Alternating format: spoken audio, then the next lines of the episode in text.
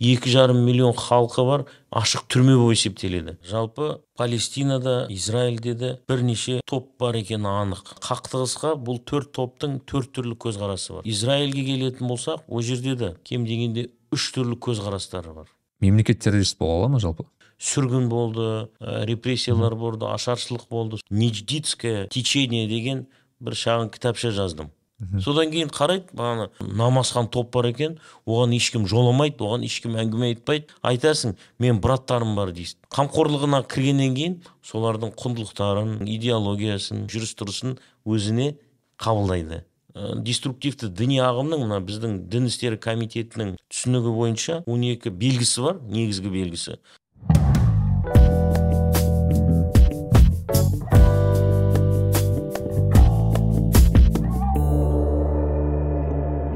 Ассалаумағалейкум достар сіздермен мен нәрікби және нәрікби лайф подкасты әдеттегідей. Подкастымыз жазылып пікір қалдырып бөлісіп осы бүкіл жақсы әдеттерді қалдырмаймыз. Және де бүгін бізде а, ең бір ерекше бір эпизодтар бірі болмақ. Себебі бүгін бізде асқар сабден ағамыз келіп отыр. Асқар аға ассалаумағалейкум қош келдіңіз. Уағалейкумассалам қош көрдік. Ә, асқар аға жалпы осы подкастымызға келіп бағанағы уақыт бөліп осылай келіп отқаныңызға көп рахмет. Және де ә, бір айта келерлік мәселе бүгін біз өте ә, а былайша айтқанда көп қоғамда қозғала бермейтін бірақ өте қажет тақырыптардың бірі.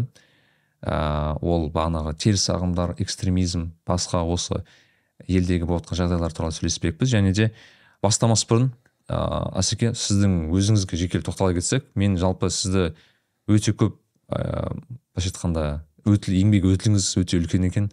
Оқыған оқуларыңыз да көп тағы басқа. Бірақ жалпы асқар ә, сабдин деген кім деген кезде қалай жауап берген дұрыс? Ә, бір жылдан астам уақыттан бері мен асқар сабдин кім деген кезде қазақстан республикасының азаматымын деп таныстырып жүрмін өзімді. Себебі ә, жалпы адамның бірінші әлеуметтік статустары бар және қосымша екінші сатыдағы әлеуметтік статустары бар. Бірінші статустарымыз енді ол туған жеріміз туған күніміз дегендей мәселелер ғой. Ал екінші статустар туралы сіз сұрап жатсыз сіз кімсіз деп. Сол кезде мен өзімді қазақпын деп та таныстыра аламын. Мен өзімді мұсылманмын деп та таныстыра аламын. Ислам танушы деп таныстыра аламын. Әртүрлі рольдер бар әртүрлі өмірімде жағдайлар болды. Бірақ қазіргі таңда жалпы елімізді біріктіруші азаматтық деген ұғымға тоқталдым. Және өзімнің әлеуметтік желілерімде қазақстан республикасының азаматымын деп жазып қойдым. Сол үшін мен yeah. Иә. қазақстан республикасының азаматымын. Жалпы зерттеу салам бұл діни экстремизм діни экстремизм мен терроризм радикализация дерадикализация яғни радикалсыздандыру процестері секта тану осы тақырыптармен соңғы бір 15-20 жылдан бері айналысып жүрмін. Жалпы ә, кезінде имам болдым ә, біраз жылдар бойы ұстаз болдым. Нұр мүбарак университетінде бірнеше жыл жұмыс жасадым. Қазіргі таңда мақсұт нәрікбаев атындағы университетте жұмыс жасап жатырмын. Ә, жалпы сол экстремизм терроризм саласында көбірек жұмыс жасадым. Тікелей мына түзету мекемелерінде түрмелерде сотталған yeah. Иә. азаматтарымызбен азаматшаларымызбен жұмыс жасадым зерттеу салаларым жалпы осы салалар әрине керемет ә, жалпы сіз жақсы айтып өттіңіз ә, қазақстан азаматы туралы бірақ ерекше сіздің еңбек өтіліңізге тоқталған себебім жалпы мен яғни сізді осы биографияңызды зерттеген кезде мен де байқадым сіздің жалпы басында есімде болса нұр мүбарак университетінде оқыдыңыз иә? Phd бағанағы докторлық нелеріңіз бар ә, дәрежелеріңіз бар ол жалпы ә, осы жолда. Бірақ ә, мысалы сіз имам болдыңыз мешіт, мешітте жұмыс істедіңіз қателеспесем иә? Иә. Аха. Ә, мен енді бірақ... ресейде кезінде волгоград қаласында бас имам болғанмын. Волгоград қаласында. Ресей ә, мәскеу ислам колледжінде жұмыс жасағанмын. Ә, одан кейін ә, жалпы қазіргі бүгін талқылайтын тақырыбымыз мына экстремизм терроризм мәселесі бойынша 2011 жылда қазақстан республикасына алғаш теракттар болған кезде сол уақыттан бастап осы уақытқа дейін міне 12 жылдан асып кетті. Тікелей радикализм экстремизммен жұмыс жасап жатырмын. Ә, осы арада сол айтылған нұр мүбарак университетінде де жұмыс істеп үлгердім. Ол жерде діни экстремизмге қарсы орталық бар. Сол жерде ә, жұмыс жасадым. Ә, жалпы сол исламтану саласында жұмыс жасап жатырмыз деп айтуға болады. Қолымыздан келгенше. Әрине. Енді өзіңіз бірақ бірінші сұрақ бар еді бірақ сіз оған өзіңіз жауап берген сияқтысыз. Жалпы айт сұрақ Иә. бірінші сұрақ қандай болған? Осы осы ағымдарды зерттеу экстремизм терроризм саласына жалпы зерттеу деген ә, ой жалпы қалай келді сізге? Қай, қандай бір жалпы мотивация болды? Жалпы ресейде ресейде имам болған кезімде ресейде соғыс бар еді азаматтық соғыс. Білесіз солтүстік кавказда соғыс болды. Сол кезде ә, волгоградта имам болған кезде сол жақтағы бірсыпыра ә, уағызшылар дейміз ба содырлар дейміз ба оларға жамағаттар дейміз ба. Осы ресейдің бірсыпыра мешіттерінде үгіт насихатын жүргізді. Ә, ол енді ол кезде 90 жылдардың аяғы 2000 жылдардың басы ғой. Кішкене андай бір ретсіздік болды қауіпсіздік жағынан ә, енді проблемалар болды. Сол кезде ең алғаш рет мен сол діни радикалды деструктивті идеологиямен ә, қарсыластым. Ең бірінші рет. Сол кезде ә, мешітке келуші жамағаттың арасында әртүрлі пікір ә, білдіретін адамдар пайда болды. Мына шахид деген кім джихад ұғымы қандай ә, хижра жасау керек жамағат деген не дегендей осындай ұғымдар пайда бола бастады. Сол кезде ә, имам болғасын жамағаттарымнан кейбір кісілер сұрай бастады. Мына бір кісілер мына жерде истишадия дейді мына шахид болуды талап ету немесе инғимасия дейді ә, әртүрлі осындай терминдер пайда бола бастады. Такфир деген ә, джихад Иә. дегендей. Және осы ә, тақырыптарды жамағаттың арасына таратып жүрген тұлғаларды көрдім. Солардың айтып жүрген ә, тақырыптарды зерттей бастадым. Бір кезде ол кісілермен тікелей сөйлесе бастадым. Ол кісілер маған әртүрлі орта ғасырлық авторлардың кітаптарын бере бастады. Сол кезде 2000 жылдардың басында менің ә, кітапханам кітапханамда ибн таймия мен ибн қайымул жаузияның барлық кітаптары болды. Бастан аяқ маған алып келді. Кәдімгідей том том кітаптарды алып келді. Осыларды оқысаңыз осылардың ішінде дұрыс ислам бұрынғы сахаба табииндердің түсінігіне сәйкес исламды осы кітаптарда табасыз деп маған сол кезде ибн таймияның мажмуул фатава болсын иқтидау сыратыл мұстақим ақидатил уасития секілді көптеген ә, ибн қайымның иғасатул лахафан иламул муаққиин секілді көптеген кітаптары қолыма тиді. Сол кезде сол әдебиеттермен таныстым. Сол кезде сол идеологиямен таныстым. Содан кейін ә, ол жақтан елге қайтқасын бірнеше жыл ә, діни емес басқа ә, салада жұмыс жасадым. Бірақ ә, ресейдегі бір баспамен де жұмыс редактор ханафи масхабының редакторы ретінде жұмыс жасадым сол кезде. Ансар баспасы бар еді.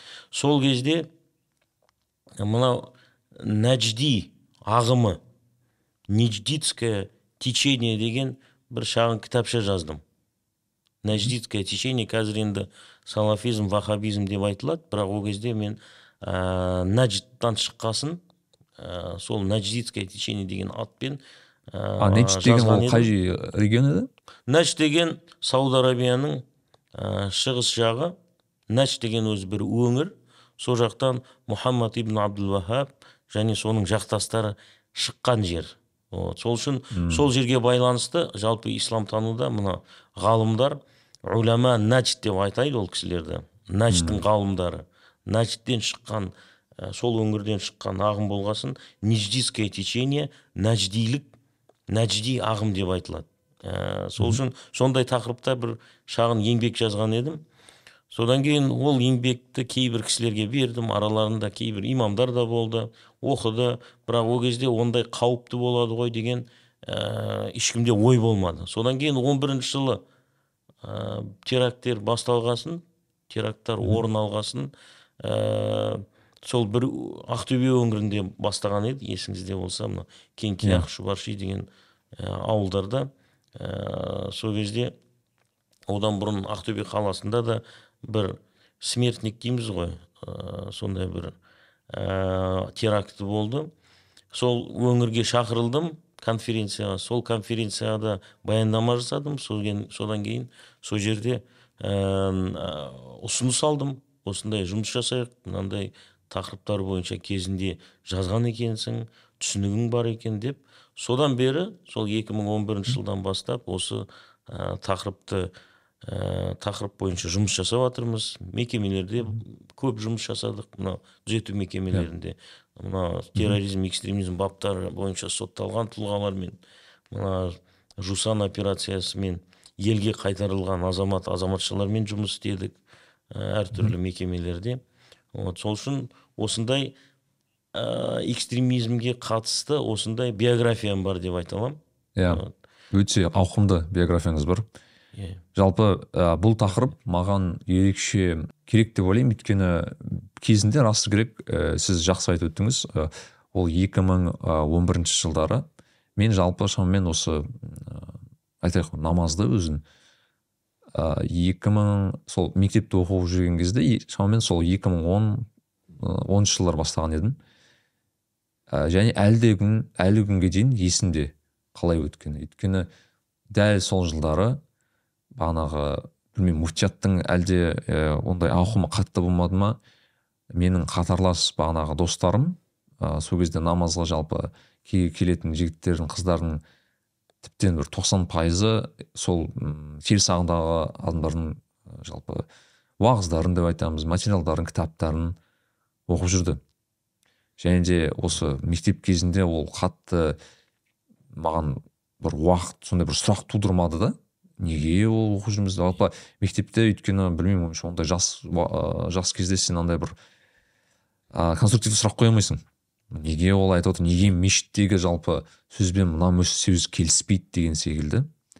Және де ә, кейін мысалы 2011-де мен мен мектеп уже университетке оқып жүрген кезде бағана алғашқы теракттар басталды. Ә, және де мен өйткені сол дәл сол өтіп шықтым да сол процессті. Ә, жалпы мендегі сол өзгертулерді жалпы қалай өтіп жатыр сондықтан бүгін бір мүмкін еліміздегі экстремизмнің бір тарихын бір шолып өтсек және қалай бұл өтті тағы басқа? Үху. жалпы жастарға келетін болсақ мына неге көптеген жастар деструктивті ағымдардың жетегінде кетеді? Бұл мына картина мира дейді ғой. Жалпы танымдық картинаға байланысты да. Дәстүрлі діни бағытта ол картина өте күрделі. Үзіп кесіп үзілді кесілді бір жауап бере алмайтын жағдайлар болады. Ал енді деструктивті діни ағымдарда картина мира дейді ғой. Мына әлемнің картинасы дейміз ба дүниетанымдық картина дейміз ба. Ол екі ақ түсті және өте түсінікті. Қара және ақ. Біз олар харам парыз. Биполярды. Екі ақ категория. Иә екі ақ категория дихотомия жасайды болды. Ол көптеген жастарға өте жеңіл өте түсінікті болып есептеледі да. Ал енді дәстүрлі діни бағыттағы ә, көптеген категориялар бар. Парыз бен харамнан бөлек мысалға сүннет бар уәжіп бар макрух бар мубах бар дегендей мустахаб дегендей. Сондай көптеген нелер бар. Картина мира кішкене күрделі. Сол үшін көптеген жастарымыз ана басын қатырғысы келмейді миын істеткісі келмейді. Сондай жеңіл ә, кез келген жауапқа кез келген кешірім сұраймын сұраққа жеңіл және айқын жауап беретін сондай жүйе іздейді. Ә, бұл бірінші мәселе. Ал енді жалпы радикализмнің қазақстандағы тарихына келетін болсақ радикализм тарихы жалпы совет мына большевиктерден бастасақ болады.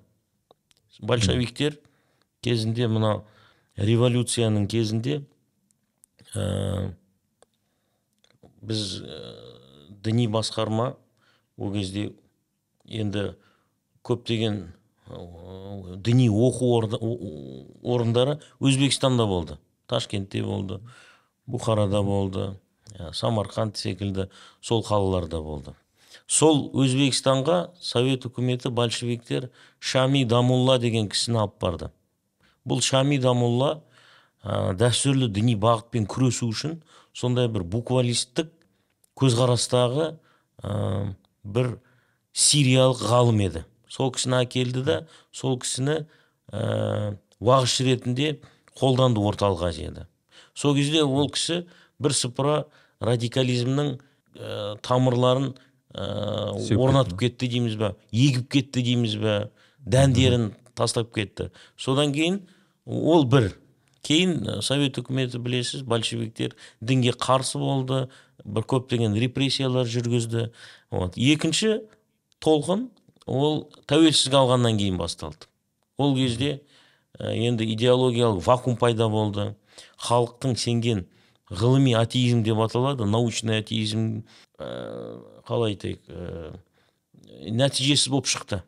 Қоғам үшін мықты идеология ретінде қолданылып келген ғылыми атеизм қоғамның мына рухани талаптарына жауап бере алмай қалды. Содан кейін не пайда болды? Вакуум пайда болды. Ол вакуум кезінде жергілікті неше түрлі кашпировскийлар неше түрлі чумактар неше түрлі әулиелер пайда болды. Халық ә, тұтас соларға бет бұрды. Сол кезде елімізге әртүрлі ә, қайырымдылық қорлар келе бастады халықаралық. Ол кезде енді ә, совет үкіметі ауғанстаннан шық, жеңіліп шыққан кездер.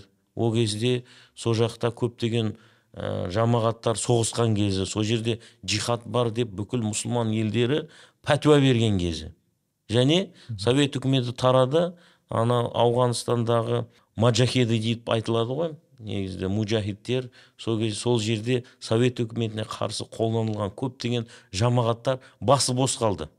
Ол кісілерді ана нуам хомский бар сол кісі айтады ә, ақш дейді сол ауғанстанда көптеген радикалды жамағаттарды қолданды джихад жариялады. Бірақ кейін совет үкіметі тарағаннан кейін оларға назар аудармай қойды және солар сол кезде таяу шығыс болсын мына ә, тәуелсіздік алған елдерге қарай әрекет жасады. Көптеген қорлар келді бізге. Қазақ кувейт университеті ашылды таиба колледждері ашылды әл харамейн әл иғаса уауи әл ибрахим әл барахим әл хайрия секілді көптеген қорлар не істеді? Ол кезде москвада да істеді ресейде жалпы. Ә, қазақстанда да істеді мынау басқа да орта азия мемлекеттерінде өздерінің уағыз насихаттарын жүргізді. Көптеген әдебиеттерді шығарды. Көптеген. Және сол кезде бірсыпыра ә, бауырларымызды сол ә, нелерге алып кетті.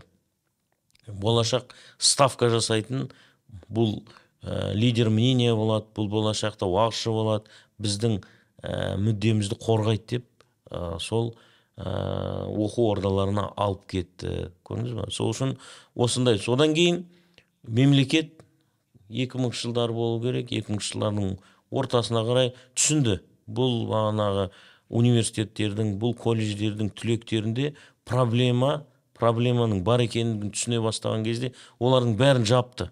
Ана қайырымдылық қорлардың бәрін жапты. Бірақ дәндер егілді уже нәтиже бере бастады. Ағымдардың туын ана шетелдік емес жергілікті осы жердің азаматтары көтере бастады. Көрдіңіз ба? Иә. содан кейін бұл арада байланыс бар ғой енді. Сол жақтың пәтуаларына келе бастады. Сол жақтағы әртүрлі мына зорлық зомбылыққа байланысты көптеген пәтуаларын ала бастады. Былай айтқанда ә, сол бірінші ә, тәуелсіздік алғаннан кейін бірінші толқын миссионерлер өзінен кейін жұмыстарын жалғастыратын бір ә, жергілікті азаматтардан бір топты қалыптастырып үлгерді. Және бұл екі күштің арасына өте тығыз байланыс болды. Сол жақтан директива алынды сол жақтың пәтуаларымен сол жақтың уағыздарымен сол жақтың кітаптарымен ә, уағыз айтылды сол кітаптардан пәтуа алынды. Былай айтқанда мен ә, ә, бір жақсы метафораны айтайын. Былай денесі қазақстанда бірақ ден, жүрегі басы. басы иә ойы құндылығы рухы басқа жүр, басқа жақта жүрген бір топтар пайда болды. Көрдіңіз ба? Бұл үрдіс әлі де жалғасып жатыр бұл әлі де тоқтады деп айта алмаймын. Себебі діни анықтылықты сол басқа жақтардан алып жүрген әлі көптеген азаматтарымыз және азаматшаларымыз бар. Сол үшін осындай қысқаша тарихы бар. Вот. Ә, енді ана енді бүгін аха. Ә, лидеры мнения дедік қой. Ол кісілер сол жамағатты игере алмағасын жамағатта бір белгілі деңгейде мына діндар жамағаттардың ішіне әртүрлі бір не пайда болды? Ә, ахлократия дейміз ғой бір тобырдың билігі пайда болды. Тобыр бізге бұдан кейін авторитет керек емес. Біз діни ғылымға діни ғалымдарға сүйенбейміз. Біз олар қайдан алса біз де сол жерден аламыз деген ұранда, ұрандармен әртүрлі әрекеттер жасалды. Былай айтқанда сол ә, ағымдарға кіргізген лидерлер көсемдер ол жамағатты игере алмай қалды. Содан әртүрлі елімізде ә, радикалды адамдар пайда болды діни мотиві бар ә, террористік акциялар пайда болды дегендей осындай қысқаша тарихы бар. Иә бүгінгі біз мен жеке тоқталғым келген тақырыптардың бірі ол мүмкін осы тарихтың бір бергі жағы сол екі мың он өйткені мен қа- ә, сол туралы көбірек сөйлей саламын жалпы бірақ өте керемет түсіндірдіңіз. Ә, жалпы бағанағы бір сұраққа қайта оралсақ мысалы ә, жастар көбінесе осындай бір жас кісілер неге жастар емес бірақ жас кісілер ағымдарға еліктейтін сондай бір ерекшелік бар да бірақ осы тұста мынандай бір сұрақ па- пайда болады менде. Мүмкін енді сіздің ойыңыз ыыы қызық болып тұр. Ә, бұл жерде бір сондай бір психологиялық бір түсінік бар. Өйткені былай шынына келген кезде кез келген жас адам кез келген бір қыз жігіт болсын бір ортада болуды қалайды. Жалпы. Және де әсіресе дінге келген кезде ә, осы діни практиканы бастаған кезде белгілі бір ортада өзінің бір ортаға деген қажеттілік болады. Ә, мен көрген көбінесе сол жағдайлар ә, тіпті бағанағы ол идеологияның зерттеп бағана осы идеология ұлағаннан емес көбінесе былайша айтқанда өзіне бір орта тауып достар тауып ағалар тауып ә, браттар тауып былайша айтқанда тырнақша ішінде. Соларды тауып бағанағы сол орта үшін ә, бағанағы экстремистік осындай то- топтарға кіріп кеткенін өте көп көрдім өзім. Ә, жалпы ол жерде осындай бір психологиялық бір мәселе де жатыр ғой жалпы иә? Әрине адам деген енді жалпы әл- әл- әлеуметтік жаратылыс қой. Социальное существо дейді ғой. Адам ә, белгілі деңгейде бір топқа мұқтаж. Мысалға батыста оның көптеген ә, форматтары бар. Сіз ә, белгілі бір футбол клубының фанаты бола аласыз. Сол топ арқылы ә, өзіңізді репрезентация жасайсыз. Вот. Сол үшін адам жалпы белгілі бір өзінің ойын айта алатын өзінің құндылығын ә, түсіндіре түсіндіріп отыратын бір топқа бір сондай неге мұқтаж әлеуметке мұқтаж бір қоғамға мұқтаж бір топқа мұқтаж көрдіңіз ба сол үшін ол жерде көптеген факторлар бар. Сіз айтқан фактор ол біреу ғана. Одан бөлек ә, діни анықтылық яғни мына дүниеге мен қандай көзбен қараймын қандай оптикамен қараймын деген ә, қажеттілік та бар. Сол ағымдардың барлығы адамға белгілі бір жеңіл оптиканы береді. Бағана айтып кеттік қой. Сол үшін әлеуметтік себептері бар психологиялық себептері бар идеологиялық себептері бар. Ә, мода бар оны да жоққа шығара алмаймын. Себебі модамен жүрген адамдар да бар мысалға. Көреді қызығады ә, кезінде енді тоқсаныншы жылдарда мынау ә, қылмыс әлеміне еліктеу өте көп болды жастардың арасында. Кейін оны мемлекет қолға алып ә, мейлінше азайтты ол. Қылмыс мәдениетінің дейміз ғой субкультура дейміз ғой. Субмәдениетінің жастарға әсерін мейлінше азайтты. Ә, бірақ тоқсаныншы жылдар өте өте ә, қалай айтайын өте модада болған ұғымдар еді. Ә, ол ол мәселе жабылғаннан кейін ол бандитизм дейміз қылмыс әлемінің ұғымдары жабылғаннан кейін ортаға осындай діни идеология пайда болды. Бұл да ә, жастарға енді көп жағдайда ұнай, ұнайтын сондай бір өте дерзкий сондай бір ә, табиғаты бар. Сол жастарға көп ұнайды.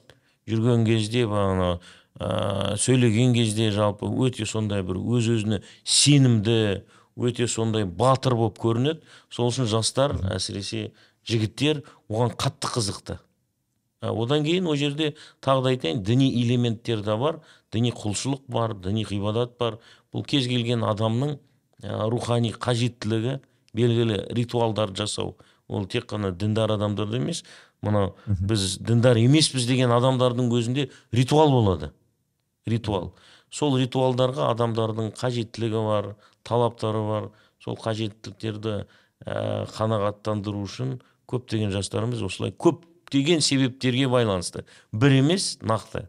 Көптеген идеологиялық психологиялық әлеуметтік ә, материалдық жағдайға байланысты көп жағдайлар болды. Мен мысалға сізге бір мысал берейін. Бір жастар мысалға оқуға түседі. Ауылдан шыққан бір жас жігіт оқуға түседі. Университетке түседі қалаға. Қалаға келгеннен кейін ол жақта неше түрлі бағана айтып кеттім ғой.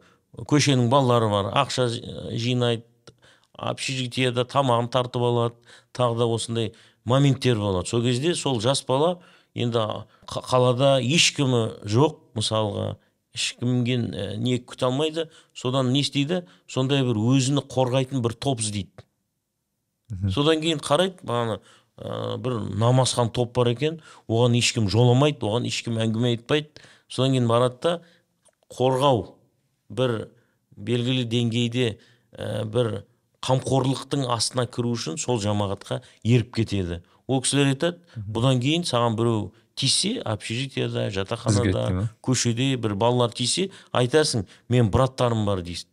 Содан кейін ол жігіт қарайды действительно бағанағыдай бір жастармен ә, кездесіп қалған кезде оларға тап болған кезде айтады мен мынандай мынандай браттарым бар содан кейін анау көшенің балалары ол кісіге ол балаға ол студентке тиіспейтін болады. Осындай себептері де бар. Көптеген жастарымыз мына үлкен қалаға әсіресе ауылдан ә, аудандардан келген жастарымыз осындай қамқорлық іздеу арқылы ағымдарға кіріп кетті деп те айта аламыз.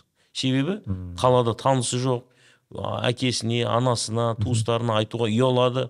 Анау жігіттікке жатпайды дегендей осындай бір ә, жастардың арасында ұғымдар бар ғой. Соны жатпайды деп ә, құқық қорғау органдарына да ештеңе айтпайды. Сондай өзі бір субмәдениет тауып алып солардың қамқорлығына кіреді. Қамқорлығына кіргеннен кейін солардың құндылықтарын солардың идеологиясын солардың жүріс тұрысын өзіне қабылдайды. Сонымен осындай ә, себеп те бар. Бағана ағымдарға кірудің бір себебі де осы деп айта аламын. Әрине. Енді ә, мүмкін ә, біз осы ағымдар деген сөзді бүгін көп айта аламыз. Теріс ағымдар экстремистік ағымдар деструктивті ағымдар. Жалпы термин көп бұл тұрғыда байқасақ. Өте көп. Термин өте көп. бізде термин өте көп. Бүгін сондықтан біз сол терминдерді барынша түсінікті тілде түсіндіруге тырысамыз. Жалпы бағанағы топтарға келетін болсақ ә, қалай қандай группалар бар? Қалай жалпы оларды топтастырамыз жалпы? Енді бізде- бірге. иә бізде негізгі қолданып жатқан термин өте көп. Және сол терминдердің арасында ретсіздік те көп. Бір белгілі терминологиялық хаос бар деп айтуға болады.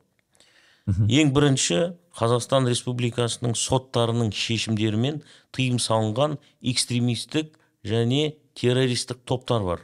Топ емес олар ұйымдар кешірім сұраймын. Ұйым олар организация. Топ емес. Ә, бұлардың ішінде аль каида бар мысалға талибан бар ә, даиш игил да бұрынғы игил иә сол даиш қой игил одан кейін джабхату нусра бар ә, тағы да хизбут тахрир аль ислами бар ә, мына ихван муслимин братья мусульмане дейміз ғой мұсылман бауырлар хизбулла деген сол кісілер ма хизбул хизбулла жоқ ол бөлек хизбул тахрир аль ислами деген ол бөлек ағым хизбулла деген ол бөлек группировка ол бөлек екеуі ә, содан кейін ә, такфир валь хижра таблиғи жамағат секілді осындай ұйымдар бар. Енді бұлардың ә, кейбіреулері ресми түрде мына құқықтық тұрғыдан ә, қалыптаспаған. Мысалы таблиғи жамағаттың бірде бір тіркелген қазақстанда ұйымы жоқ бірақ оларда бір структура бар деп оларда бір иерархия бар деп біздің мемлекетіміз осындай шешім шығарған. Бұлар жиырма шақты ұйым. Араларында иерархиялық әкімшілік структурасы бар ағымдары бар. Иерархиялық әкімшілік структурасы жоқ. Горизонталды былай ә, ұйымдар бар. Бұл бірінші.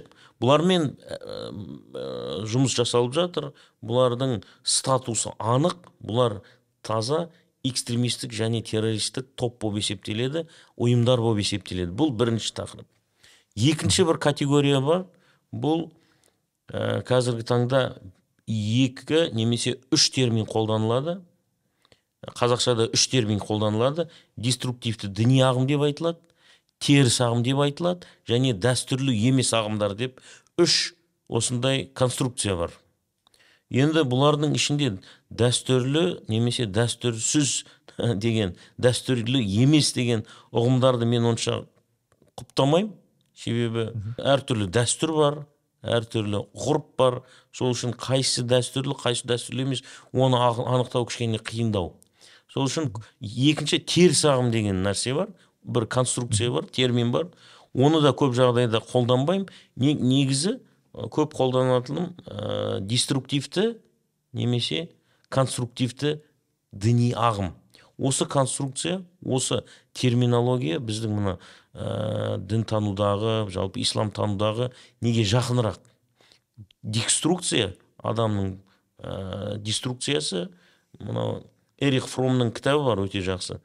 Анатомия человеческой деструктивности деген.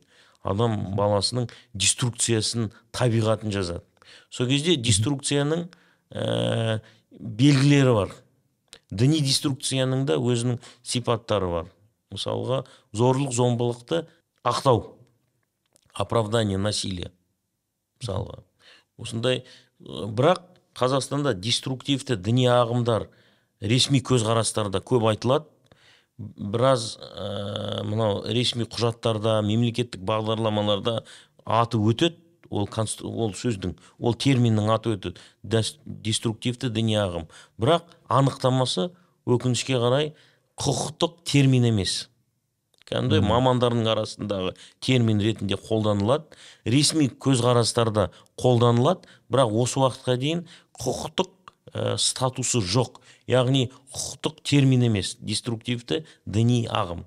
Ә, ол енді деструктивті діни ағымның мына біздің дін істері комитетінің түсінігі бойынша 12 12 белгісі бар негізгі белгісі.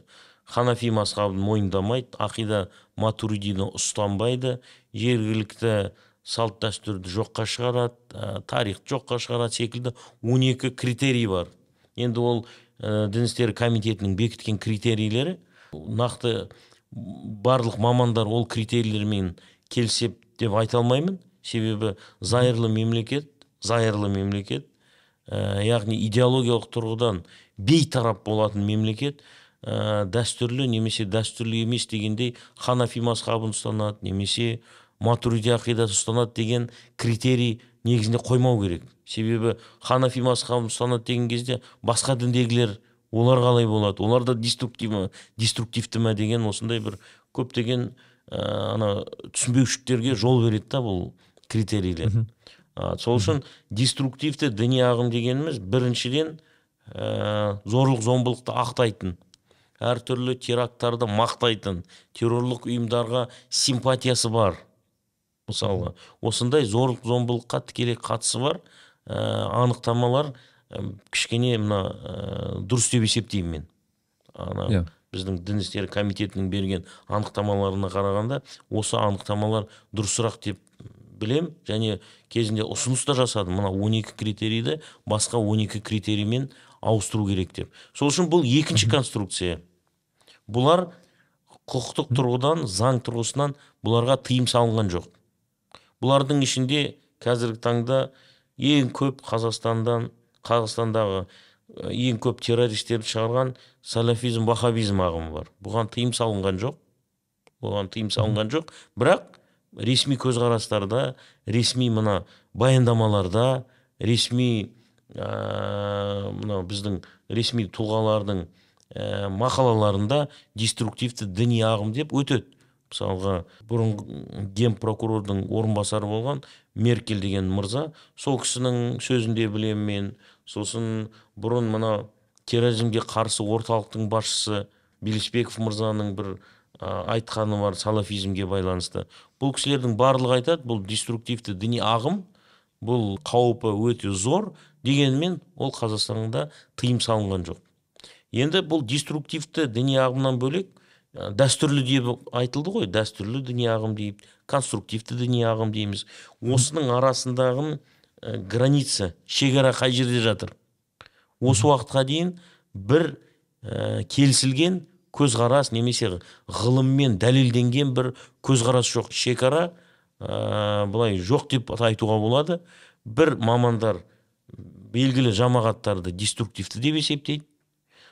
Тағы басқа сарапшылар оларды жоқ олар деструктивті емес олар конструктивті деп есептейді. Оның ішінде көптеген мына ә, пакистан индиядан шыққан мысалы деобанд медресесі секілді. Әртүрлі көзқарастары бар. Біреулер деструктивті десе тағы біреулер конструктивті деп айтып жатыр. Ә, түркиядан келген бір сыпыра жамағаттар бар. Олардың қызметін біреулер деструктивті деп бағаласа тағы біреулер жоқ олар конструктивті жұмыс жасап жатыр деп айтатындар бар. Елімізде жалпы өзіміздің қазақстаннан шыққан сопылыққа байланысты бірнеше жамағат бар. Оларды кезінде мысалға сол ана тыйым салынған ұйымдардың ішінде білім сенім өмір ма сондай бір ұйым бар. Онда кезінде мемлекет террор террористік экстремистік деп таныды. Ол тізімде бар ол. Бірақ қазіргі таңда ол жамағаттарда өзінің қызметін атқарып жатыр. Ә, әртүрлі көзқарастары бар бір нақтылық жоқ. Нақтылық тек қана соттың шешімімен үкімі шыққан ұйымдарға байланысты нақты бір позиция бар деп айта аламыз. А мына жер ә, қалай айтайын әртүрлі көзқарастар бар әртүрлі ә, бағалаулар бар әртүрлі ұстанымдар бар. Ана шекарасы критерийлері анықталмаған. Біріншіден ә, зорлық зомбылықты айттық қой. Мына деструктивті немесе конструктивті деген нәрсенің ара жігін ажыратын бір өте мықты критерий бар. Бір ағым жамағат білімге қарсы болмау керек ғылымға қарсы болмау керек егер кез келген жамағат ол тіпті басқа діндерде болсын білімге ғылымға қазіргі прогреске қазіргі мына ә, адамзаттың жетістіктеріне қарсы болатын болса бұлардың бәрі дұрыс емес мына білімді ә, бұл білім емес дегенде осындай бір ақылға қарсы білімге қарсы ә, әңгіме айтатын болса ол мысалға көптеген мамандардың бағалауы бойынша ол антиинтеллектуалистік ағым болып есептеледі және адамға деструктивті әсерін береді. Бұл бір. Екі мына франция ғалымы француз ғалым бар оливье руа деген. Ол кісі аккультурация религии дінді мәдениеттен дінді тарихтан дінді жергілікті салт дәстүрден ажырату секілді екінші несі бар? Критерийі бар. Міне осыған байқау керек. Егер кез келген ағым адамды аккультурация жасайтын болса яғни өзінің мәдениетінен өзінің дәстүрінен өзінің ә, тілінен деп айтық ажырататын болса ол ә, деструкцияның екінші сипаты. Үшінші сипаты мына кез келген жамағатта корпоративтік ұстанымдар бар. Және бұл корпоративтік ұстанымдар деструктивті ағымда барлық құндылықтардан барлық мүдделерден жоғары тұрады. Яғни сол жамағаттың мүддесі ол сүйеніп отырған исламның мүддесінен де жоғары тұрады. Жасап жатқан елінің мүддесінен де жоғары тұрады.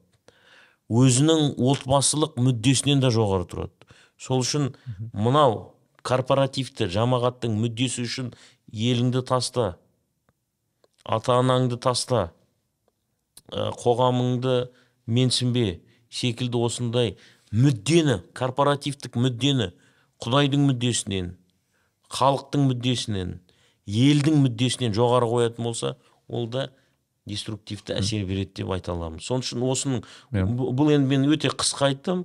Бұның таласы бұның ә, қалай айтайын. Алуан пікірлілігі өте көп көптеген көзқарастар бар көптеген анықтамалар бар. Мен бірнешеуін ғана айтып кеттім. А, мысалы асқар осы қазір подкастымызды тыңдап мысалы бір ата ана қарауы мүмкін да осы подкастты және де мысалы бір белгілі ұлы қызы ә, діни практиканы бастап жатыр. Және де бір қандай кеңес айтуға болады? Мысалы ә, қандай баласының не қызының кейбір әрекеттері арқылы қызы осы соның белгілі бір ағымдарда жүргенін қалай анықтауға болады? Өйткені менің кезімде осы үлкен бір проблема болды. Себебі мысалы бағанағы тіпті көп менің қатарымдағы ата аналардың дінге қарсы бір исламофобиялық та сондай бір дүниенің пайда болған себебі теріс ағымдар еді тіпті ә, мысалы менің қатарымдағы жігіттер қыздарға біздің қатардағы балаларға дәлелдеу керек болды. Е біз ханафимыз біз мешітке барамыз біз мына пәленше деген ұстаздарды көреміз деп қана дәлелдей алдық та. Яғни бізге дәлелдеу қажет болды оны. Ал қазіргі күні мен, мен шын айтсам ә, ол жағын қатты зерттемедім. Бірақ қандай кеңес бере аламын жалпы тек қана біздің балаларымыз туралы емес жалпы мысалы таныстарымыз достарымыз белгілі бір практика бастаған кезде ағымға кіріп кетпес үшін қандай осындай бір алдын ала бір іс шаралар жасау керек мүмкін? осы осы осылай қойсақ та болатын шығар осы енді біріншіден мынандай сөз бар ғой адам білмегеннің жауы деп. Адам білмегеннің жауы. Білмеген нәрсесіне күмәнмен қарайды адам. Оқымаған нәрсесін меңгермеген нәрсесіне үлкен күмәнмен қарайды адам. Сол үшін ата аналарды түсінуге болады себебі олар діни тұрғыдан сауаты өте төмен. Неге десеңіз көбі совет үкіметінде тәрбиеленген. Совет үкіметінің дінсіз ғылыми атеизм деп аталатын научный атеизммен тәрбие көрген көбісі. Діннің не екенін діннің дұрысы мен бұрысын ағымы мен дәстүрлі бағытын көбісі ажырата алмайды. Сол үшін ол кісілерді түсінуге болады. Сол үшін ә, баланы тәрбиелегеннен кейін енді көптеген жастарымыз расында да теріс діни ағымға кіріп кетті. Көптеген аналар жылады көптеген әкелер ә, өкінді баласының осындай теріс бағытқа кеткеніне. Көп өкінгендер сөз неге біз бұны қайтармадық? дегенде содан сондай бір қоғамда жалпы үрей пайда болды. Сондай бір қоғамда ә, аллергиялық реакция пайда болды. Иә. Сол үшін ә, жастар жалпы ә, өзінің нарративтерін өздерінің ұстанымдарын түсіндіру керек. Түсіндіру керек. Міне жалпы ата аналар да білу керек. Жалпы бұл енді діни тұрғыдан біз де айтып кеттік қой бір вакуум болды да көп адамдар діннің не екенін білмеді. Енді қазіргі таңда ақпараттық заман ғой. Қазіргі таңда ата аналар осының бәрін ә, зерттеуге ә, мүмкіншілігі бар. Тіпті бізде ә, құзыретті мекемелердің өзі мекемелердің сайттары бар. Ә, көптеген ресми егер мешітке сенбесе мысалы сенбейтін адамдар да пайда болды қазір. Мешіттегі айтылып жатқан уағызға. Ресми мемлекеттік мекемелердің қазір мемлекеттік мекемелер бар. Әрбір облыста дін істер басқармалары бар. Сол дін істер басқармаларына қарайтын дінді зерттеу орталықтары бар. Сол жерде ресми мемлекеттің ресми көзқарастары жазылға, жазылған көптеген ақпараттық материалдар а, мақалалар осындай интервьюлар подкасттар көптеген ақпараттық материалдар көп. Вот. сол үшін ата аналар соны көре алады мына бағытын анықтау үшін. Себебі ә, бізде өкінішке орай өкінішке қарай мынау произвольная генерализация дейміз ғой жалпыландыру деген нәрсе бар да. Көптеген діндар азаматтарымыз бар. Мүмкін бір жарым миллионға жақындап қалған да болуы мүмкін. Бұрын миллион екі жүз деп айтатын едік. Жа- намаз оқиды. Ә, ал енді бұл бұлардың арасында әртүрлі ә, радикалды көзқарас ұстандайтын мүмкін бір процент емес шығар. Азаматтар бар. Бірақ бұл бір проценттің істегенін барлық діндарларға жалпыландыруға болмайды. Жайып жіберіп міне осылардың барлығы осындай деген нәтиже шығару бұл өте үлкен қате. Сол үшін жастар сіз айтқандай егер ата аналарында күмән пайда болатын болса олар түсіндіру керек. Біз мынандай ұстанымдамыз біз зорлық зомбылықты ақтамаймыз біз білім ғылымға қарсы емеспіз біз тарихымызды салт дәстүрімізді жоққа шығармаймыз. Біз ешбір қазақстанда тыйым салынған немесе ресми деректер бойынша ресми көзқарастар бойынша деструктивті болып есептелетін ағымға қатысымыз жоқ. Вот. Ә, со- сонымен жастар тек сөзімен емес ісімен де дәлелдеу керек. Яғни оқу болса оқуын дұрыс оқу керек. Себебі айтып кеттім ғой деструктивті діни ағымда ол оқу деген зат ә, көп қызықтырмайды оларды. Оларға көп деструктивті ағымдарға адамды тұлға жасау мақсаты жоқ. Адамды керісінше құл жасау мақсаты бар да. Адамды сол топқа сол жамағатқа құл қылып жіберу. Соны қолдану деген мақсат бар. Сол үшін ол анау егер оқуы жұмысы отбасы кедергі болатын болса мына деструктивті ағым ол жұмысын да алып тастайды жұмыстан шығарғызады оқуынан шығарғызады үй- ата анасынан ажыратады ә, семьясына қарсы қояды отбасына қарсы қояды деген ұстаным. Сол үшін жастар тек қана сөзбен емес ісімен оқу болса оқу керек жұмыс істеп жатқан болса жұмыс істеу керек өзінің бала шағасы болса бала шағасын бағу керек. Вот сондай бір өзінің тек сөзімен емес әрекетімен өзінің өмірдегі ұстанымы конструктивті екендігін көрсету керек. Енді Иә. былай ғой ә, кезінде осы екі, үш- екі үш жыл бұрын коронавирус болды ғой. Сол кезде халықта үрей пайда болды. Барлығы анау ә, неше түрлі ә, шара қолданылды неше түрлі ә, маска тақтық температураны өлшеді бүкіл кіреберісте. Көптеген шаралар қолданды ғой. Вот. Себебі эпидемия болды да. Эпидемия болды ма? Не болды өзі. Эпидемия болды. Тура сондай діни салада көп халықтың көзқарасы бойынша осындай эпидемия жүріп жатыр деп ойлайды ата аналар сол эпидемияға балам ұшырамай сол ә, ауруға шалдықпаса ғой деп сондай үміт ә, сондай бір несі болды да ата аналардың ұстанымы болды. Сол үшін ә, жалпы діндар қауым осы эпидемияны тоқтату керек өзінің конструктивті көзқараста екендігін түсіну керек. Оның да ә, жолдары жолдары көп. Соның біріншісі мына құранда айтылған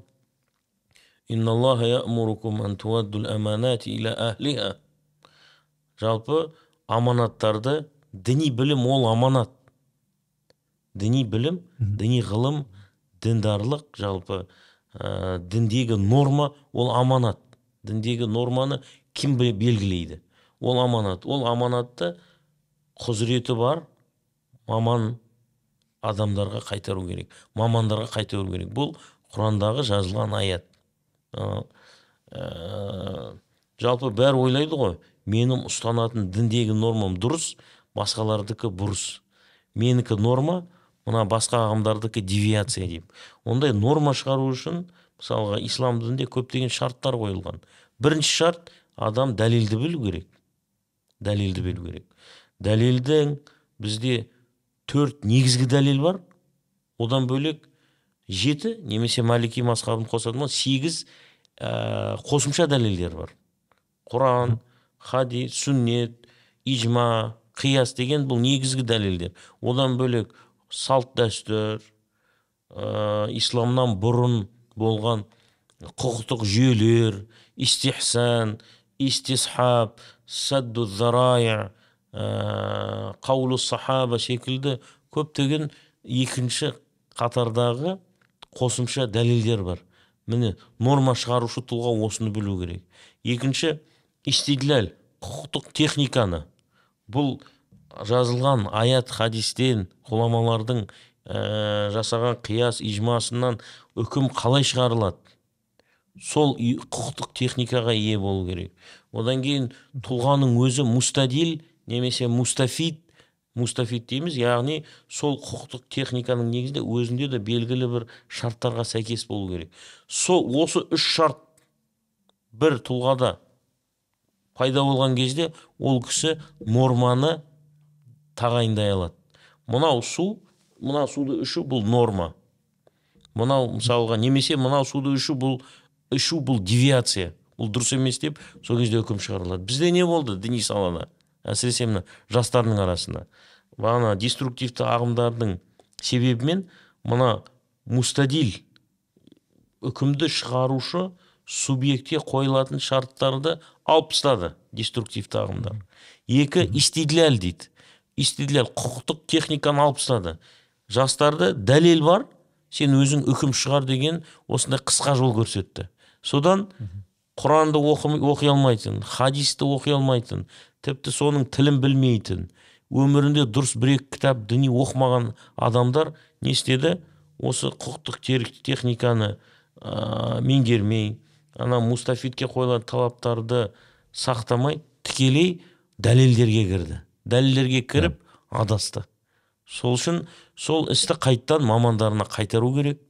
Ә, жалпы ә, әрине бұл жерде тек қана дін ә, ана ғалымдардың қолында болу керек. Не- ондай бір не жоқ? Ана элитизм деп айтамыз ғой. Ондай элитизм жоқ. Кез келген мұсылман адам кез келген осы үш нәрсені меңгерсе дәлеліне өзі мустадил мустафид бола алатын болса және құқықтық техниканы меңгерсе пожалуйста оған да есік ашық. Ол сол дәлелден үкім шығара алады. Мынау норма мынау девиация мынау макрух мынау харам мынау мубах дегендей. А қазір не болып жатыр?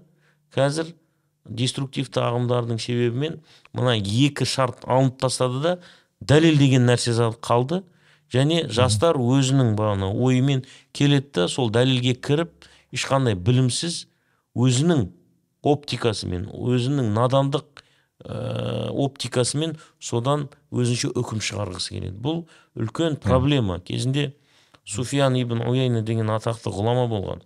Ол кісі айтқан әл хадис мадиллатун илля лил деген жалпы хадис білімі мысалы сунна дейміз ғой.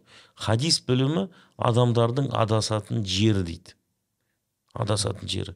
Тек қана адаспайтындар ол жерде ол факихтар дейді. Сол құқықтық техникаға ие ғалымдар адаспайды дейді. Себебі хадистердің ішінде сахихы бар әлсізі бар хасан дәрежедегі мутаватирі бар ә, машһуры бар ахады бар әртүрлі муттасыл бар мұнқаты бар мақтуы бар мурсал бар көптеген категориялары бар көрдіңіз ба содан кейін насихы бар мансухы бар үкімі жойылғаны бар үкімі үкімді жоюшы хадистері бар осылардың бәрін білмей өкінішке қарай көптеген азаматтарымыз осы деструктивті ағымдардың методологиясымен методология емес ол негізі. Бірақ сол метод әдістерімен қазіргі таңда үкім шығарып өздері адасып жатыр және басқаларын адастырып жатыр. Енді кішкене әрине. ұзақ сөйлегенім үшін кешірім сұраймын. Жоқ жоқ жоқ. Өте өте қажетті ақпарат айттыңыз. Жалпы осы біз бүгін түрлі түрлі осы ағымдар туралы айтып отырмыз да. Ә, және де ә, мен биге бір ә, тоқталып кететін мәселе ол елімізде білмеймін енді сіздің экспертизаңызды білгім келіп отыр. Жалпы қазіргі күні деструктивті ағымдарға келетін болсақ ә, мен әлі күнге дейін есімде мысалы ә, бағанағы екі мың он он бірінші жылдары бағана ә, вахаби дейміз салафи дейміз осы бағыт өте беталды болатын. Яғни мен көшеде көретінмін ол кісілерді кәдімгідей бағана кейін иә. теракт пайда болды мемлекет оны қолға алғандай болды. Бұл ә, бұл істі ә, белгілі бір ұстаздарымыз тіпті диспуттарға шақырды. Иә бұл кісілерді тағы басқа. Өте қарқынды жұмыс жүрді. Жалпы сіздің де мысалы жұмысыңызда оны білуге болады. Бірақ иә, қазіргі күні 2023 жыл осы қазіргі күнге келетін болсақ ол кісілерді мен көрмеймін. Кө- көрмеймін дегенде қалай? Көретін де шығармын бірақ ол мен вахабимін мен салафимін белгілі бірде мен осындаймын деп айтатын адамдарды байқамаймын. Өз басым. А, бірақ менің ойымша ол кісілер еш жаққа кеткен жоқ. Еш жаққа бұл бағанағы ә, бағанағы білмеймін он жыл бұрын бір адам болып он жылдан кейін басқа болатын бар адамдар бар шығар. Бірақ менің ойымша олар әлі күнге дейін де бар олар аз емес. Бірақ олар бағанағы өздерінің белгілі топтарының мүшесі екенін айтпайды. Мен соны бір байқадым. Және соны білгім келіп сол ол солай ма? жалпы ол кісілер қайда кетті? мысалы бұрында өзін салафи деп атаған кісілер қазір қайда? Ә, неге ол кісілер қазіргі бүгін мүмкін тактикасы өзгерді ма? осы тұрғыдан бір ә, өзіңіздің бір белгілі бір ойларыңыз бар ма осыған қатысты? Иә. Ең біріншіден салафизм не? Оның анықтамасы қандай? Соны айтып кетейік. Салафизмнің жақтаушылары өздерінің берген анықтамасы бар. Салафизмге иә әл китаб уа сунна бифахми салафи салих деген анықтамалары бар. Біз дейді кітап құран және сүннетпен жүреміз дейді. Бірақ бұл құран кітап пен сүннетке біз ергенде дейді өзіміздің түсінігімізбен емес салаф салихтердің яғни бұрынғы салаф сахаба табииндердің түсінігімен құран және сүннетті біз түсінеміз. Бұл салафизмнің салафизм жақтастарының өздеріне берген анықтамасы. Шейх альбани және басқа да шейхтер осылай анықтама береді. Біз құран және хадисті салафтардың түсінігімен түсінеміз. Бұл бірінші анықтама. Бұл анықтаманың ең үлкен проблемасы түсінік деген сөзде.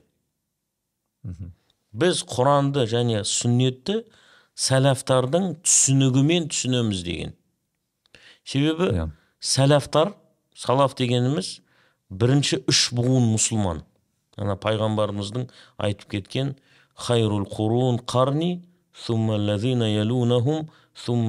ялунахум деген хадисіне сәйкес бірінші үш буын мұсылмандар бұл ең кең анықтамасын алатын болсақ сәләфтардың бұл жалпы сәләф деген жақсы сөз. Негізгі ислами терминологияда. Бірақ бұл кісілер бұл конструкцияны өздерінің бір ә, лейблі өздерінің бір ә, бренд ретінде қолданып жүр. Ә, сәләф дегеніміз ең соңғы сәләф мынау ең кең анықтамасын алатын болсақ 302 жылы қайтыс болған имам насаи. Мына алты мұхаддистердің біреуі болған имам насаимен тоқталады сәләфтардың Бітеді. Дәуірі 300 бітеді. 302 жыл. Иә. Осы аралықтағы жүз имам суютидің айтуы бойынша 114 мың сахаба болған. Одан кейін миллиондаған табииндер болған. Одан кейін миллиондаған атбау табииндер болған. Міне осылардың барлығының түсінігі бір болған жоқ. Бұларда көптеген түсінік болды. Сол үшін сәләфтардың түсінігі болды бір унифицированный дейді ғой. Белгілі бірақ ұстанымы бірақ түсінігі болды деген ол үлкен қате. Себебі біз білеміз сахабалардың арасында ибн қайымның өз лидерлерінің өзі жазады илямул муақиинда көптеген муштахид сахабалар болды. Кем дегенде елу шақты сахабаның әртүрлі көзқарастары болды. Бір мәселе бойынша төрт көзқарас. Екінші мәселе бойынша үш көзқарас. Тағы бір мәселе бойынша екі көзқарас. Көрдіңіз ба осылардың барлығын қарайтын болсақ сунниттік исламның өзінде төрт анау сахабалардан келе жатқан төрт көзқарас бар. Қазір ол төрт масхаб болып есептеледі. А, бұл же бұл анықтаманың үлкен проблемасы неде? Бұл сәләфизмнің анықтамасын берген сәләфилер салаф салихтердің бір түсінікте екендігін дәлелдегісі, келеді. Олай емес. Сахабалар табииндер атбау табииндер оларда алуан түрлі көзқарастар болды. Алуан түрлі түсініктер болды. Ол жерде фәһім емес бір түсінік емес көптеген түсініктер. Сол үшін ә, олар не істегісі келді? Кітап пен сүннетті яғни құран мен сүннетті белгілі деңгейде бір монополияға енгізіп бір көзқарас қана дұрыс қалғандары бұрыс. Бұл көзқарас та өздерінің көзқарасы. Бірақ оны ол біздің көзқарасымыз деп айтпайды. Сол сахаба табиин сәләфтардың көзқарасы деп презентация жасайды. Көрдіңіз ба ол үлкен проблема. Ә, екінші бұл сәләфизмге сырттан анықтама беретін тағы да ғалымдар бар. Мысалға мұхаммад абу захра мына кейінгі ғалымдар. Себебі бұл сәләфизм терминінің өзінің несі бар? Эволюциясы бар. Кезінде мына жақын тарихта бұл терминді ең бірінші қолданған діни топ ол реформаторлар египеттік реформаторлар. Мысалға рашид рида мұхаммад абдух жәлелдин афғани ә, абдурахман әл кауакиби секілді тұлғалар. Бұлар ең бірінші сәләфизм сәләфия деген туды көтерген. Ұранды көтерген осылар еді бірақ кейін насруддин әлбәни ибн баз ибн усаймин секілді қазіргі нәжди деп жатырмыз ғой нәжди деп айтып кеттік қой нәжди ағым сол туды сол ұранды сол рашид ридалардан абдурахман кавакибилерден тартып алды және қазір ол бренд соларға тиесілі болып есептеледі енді сол сырттай сол сәләфизмге анықтама берген ғалымдарға қарайтын болсақ бір рамадан әл бути оның кітабы бар әс-сәләфия мархала замания мубарака ля мазхаб ислами деп айтады ол кісі кітабы бар сәләфизм дегеніміз ол мұсылмандар үшін қасиетті болған бір дәуір дейді өтіп кеткен ол ешқандай діни мазхаб емес дейді яғни сәләфия деген ол бір уақыттың шеңбері дейді оны келіп алып уақыт ұғымынан шығарып белгілі бір топқа ә, қолдану дұрыс емес деп дәлелдейді. Бұл екінші анықтама. Үшінші анықтама мұхаммед абу захра деп кеттім ғой. Ол кісілердің анықтамасы бойынша сәләфизм қазіргі сәләфизм деп аталатын топ олар ең бірінші хижраның төртінші ғасырында яғни сәләф ә, заманы біткеннен кейін төртінші ғасырында хамбали хашауи деген топ болған. Ибн манда усман дарими ибн батта секілді ә, сондай бір хамбали мазхабының қатал буквалистері болған төртінші ғасырда өмір сүрген болар бесінші ғасырда. Сонымен бастау алады дейді.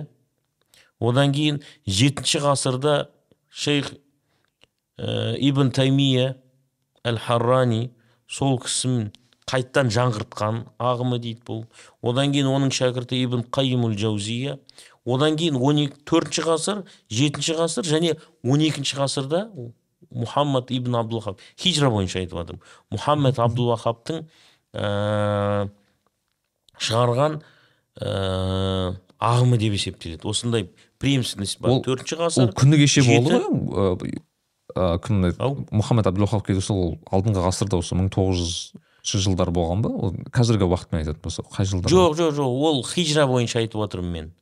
Хижра бойынша. Он сегізінші ғасырда біздің- он сегіз он сегізінші ғасырда айтып отырмын мен. Біздің қазіргі грегориан ә, несі бойынша? Ол он екінші он 18-ші сегізінші ғасыр, ғой. Он сегізінші ғасыр он тоғызыншы ғасырлардың басы. Вот. Осылай анықтамасы бар. Бұл төртінші ғасырда хамбали хашауилерден бастау алған жетінші ғасырда ибн таймия мен ибнул қайым тарапынан жаңғыртылған және он екінші ғасырда мұхаммад ибн абдул вахаб тарапынан жаңғыртылған бір буквалистік яғни мына дәлелмен қарым қатынасы тек қана буквализм арқылы жүзеге асырылатын.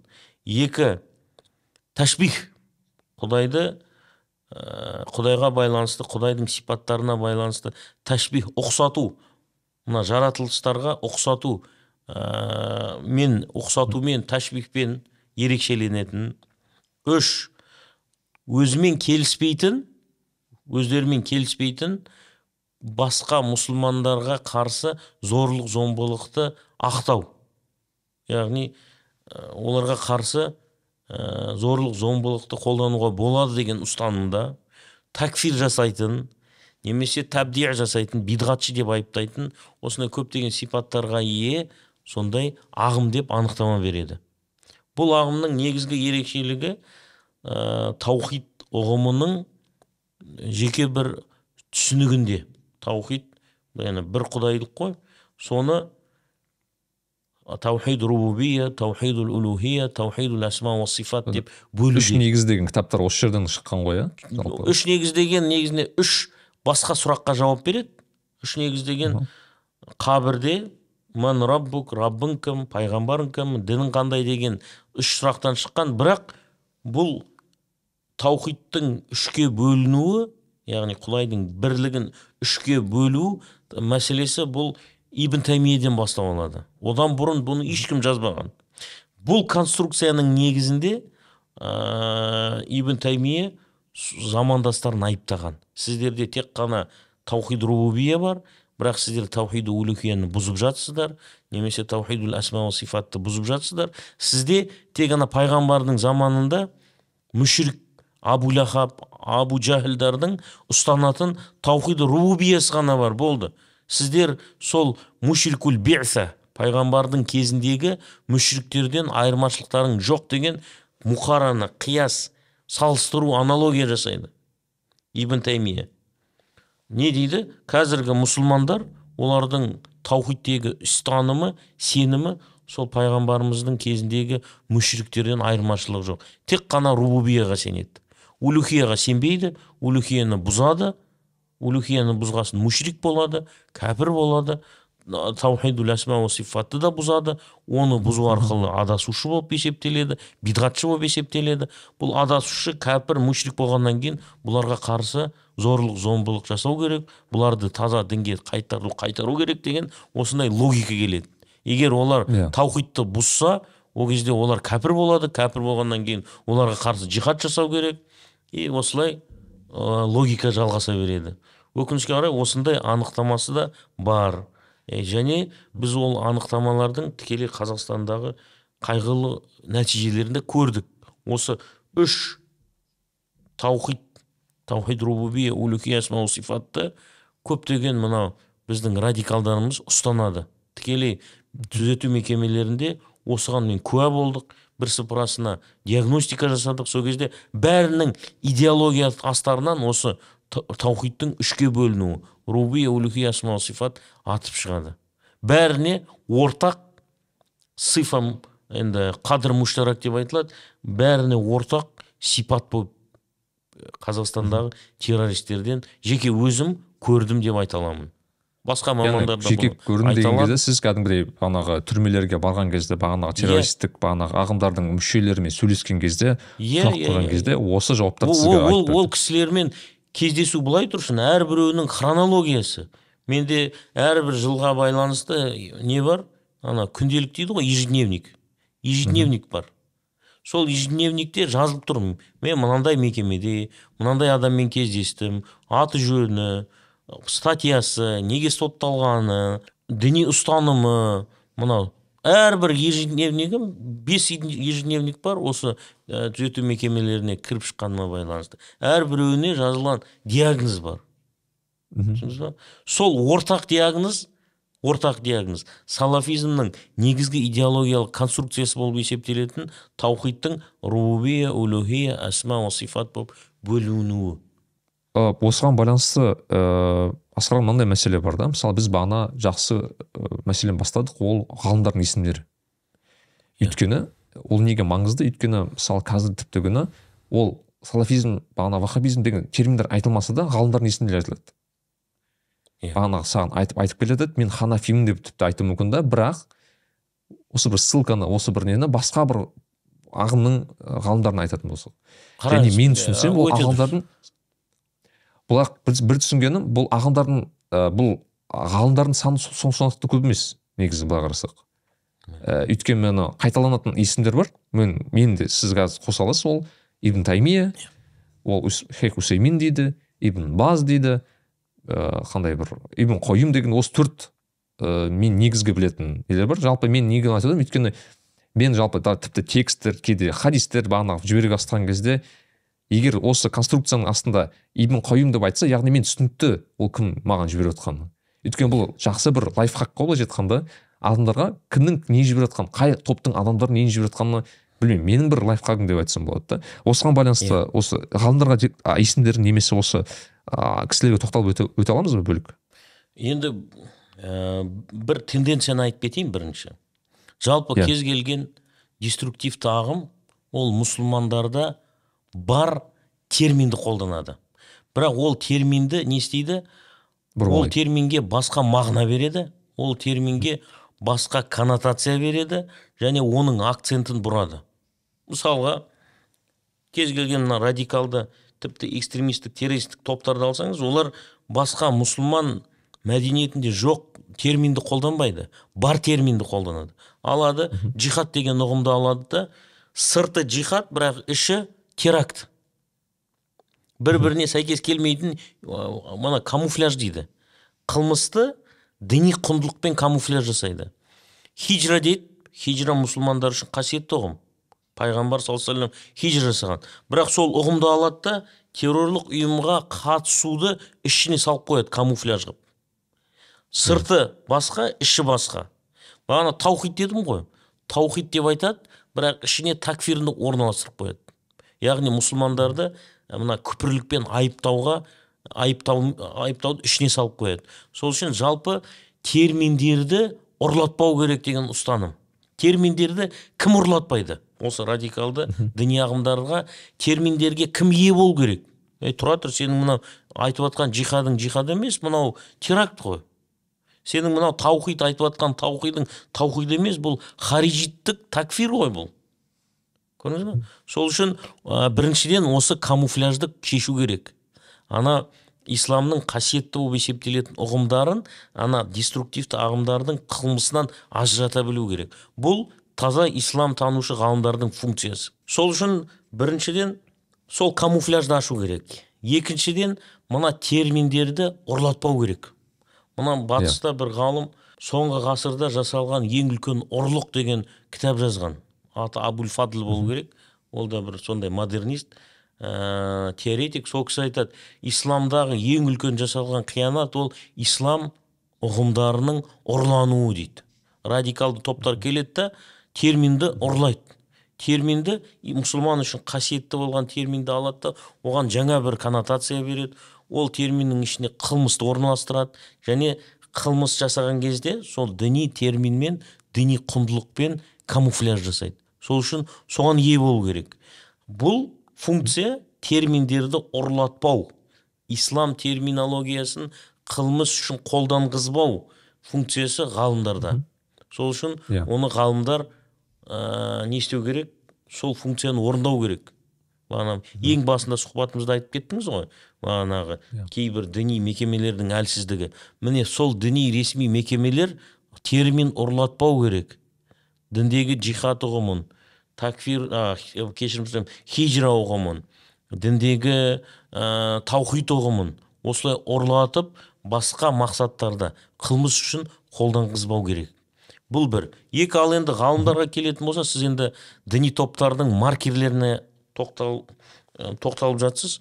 Жалпы кез келген діни топтың өзінің маркерлері болады. Иә. Бірінші маркер ол оқыған еңбектері. Қандай кітаптарды оқиды? Бағана айтып кеттіңіз ғой. Енді таблиғ жамағаты мысалға ол ә, фадайлу таблиғ фадайлу амал ә, секілді өздерінің белгілі кітаптары бар. Соларды оқиды. Және сол өздерінің кандехлеви секілді ғалымдарына сілтеме жасайды. Мұхаммад ильяс бар кандели тағы да. мысалға сәләфизмде негізгі идеологиялық конструкцияны жасап, жасап, жасап берген ибн таймия ибн қайым мұхаммад ибн абдул вахаб бұл үш кісі негізгі салафизмнің идеологиялық конструкциясын жасап берген. Сол үшін ол кісілердің осы үш кісінің көзқарасын сәлафтардың көзқарасы ретінде көрсеткісі келеді. Бірақ бұл салафтардың көзқарасы емес. Мысалға таухидтың үшке бөліну деп айтып кетті ғой бағана ол сәлафтарда болмаған. Жетінші ғасырға дейін ондай конструкция болмаған. Ол конструкцияны ең әуелі ибн таймия жетінші ғасырда шығарған.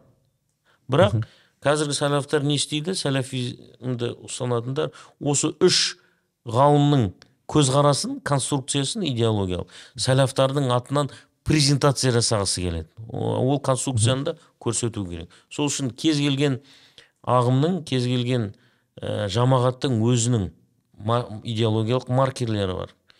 Ә, мына лидерлеріне байланысты маркерлері бар.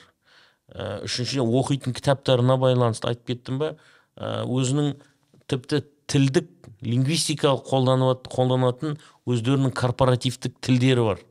Солардың барлығынан анықтауға болады. Ол маркерлер сіз маған неге қазір көп көрінбейді? Себебі мимикрия деген нәрсе бар.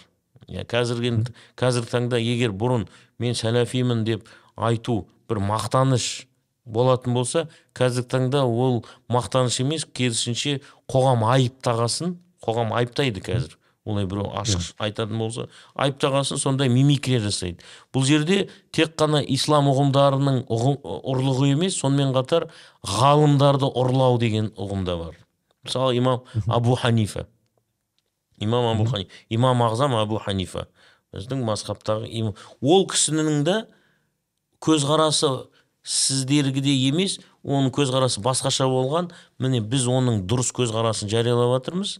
А сіздердің ә, бағанағы ә, ұстанатын көзқарастарыңыз ол абу ханифаның көзқарасы емес ол абу юсуфтың көзқарасы емес ол мұхаммад шайбанидің көзқарасы емес. Ол тіпті бұрынғы мына ә, үш ғасырда өмір сүрген ханафи ғалымдардың көзқарасы емес деп тіпті абу ханифаның өзін басқаша презентация жасайтын ағымдар бар. Көрдіңіз ба?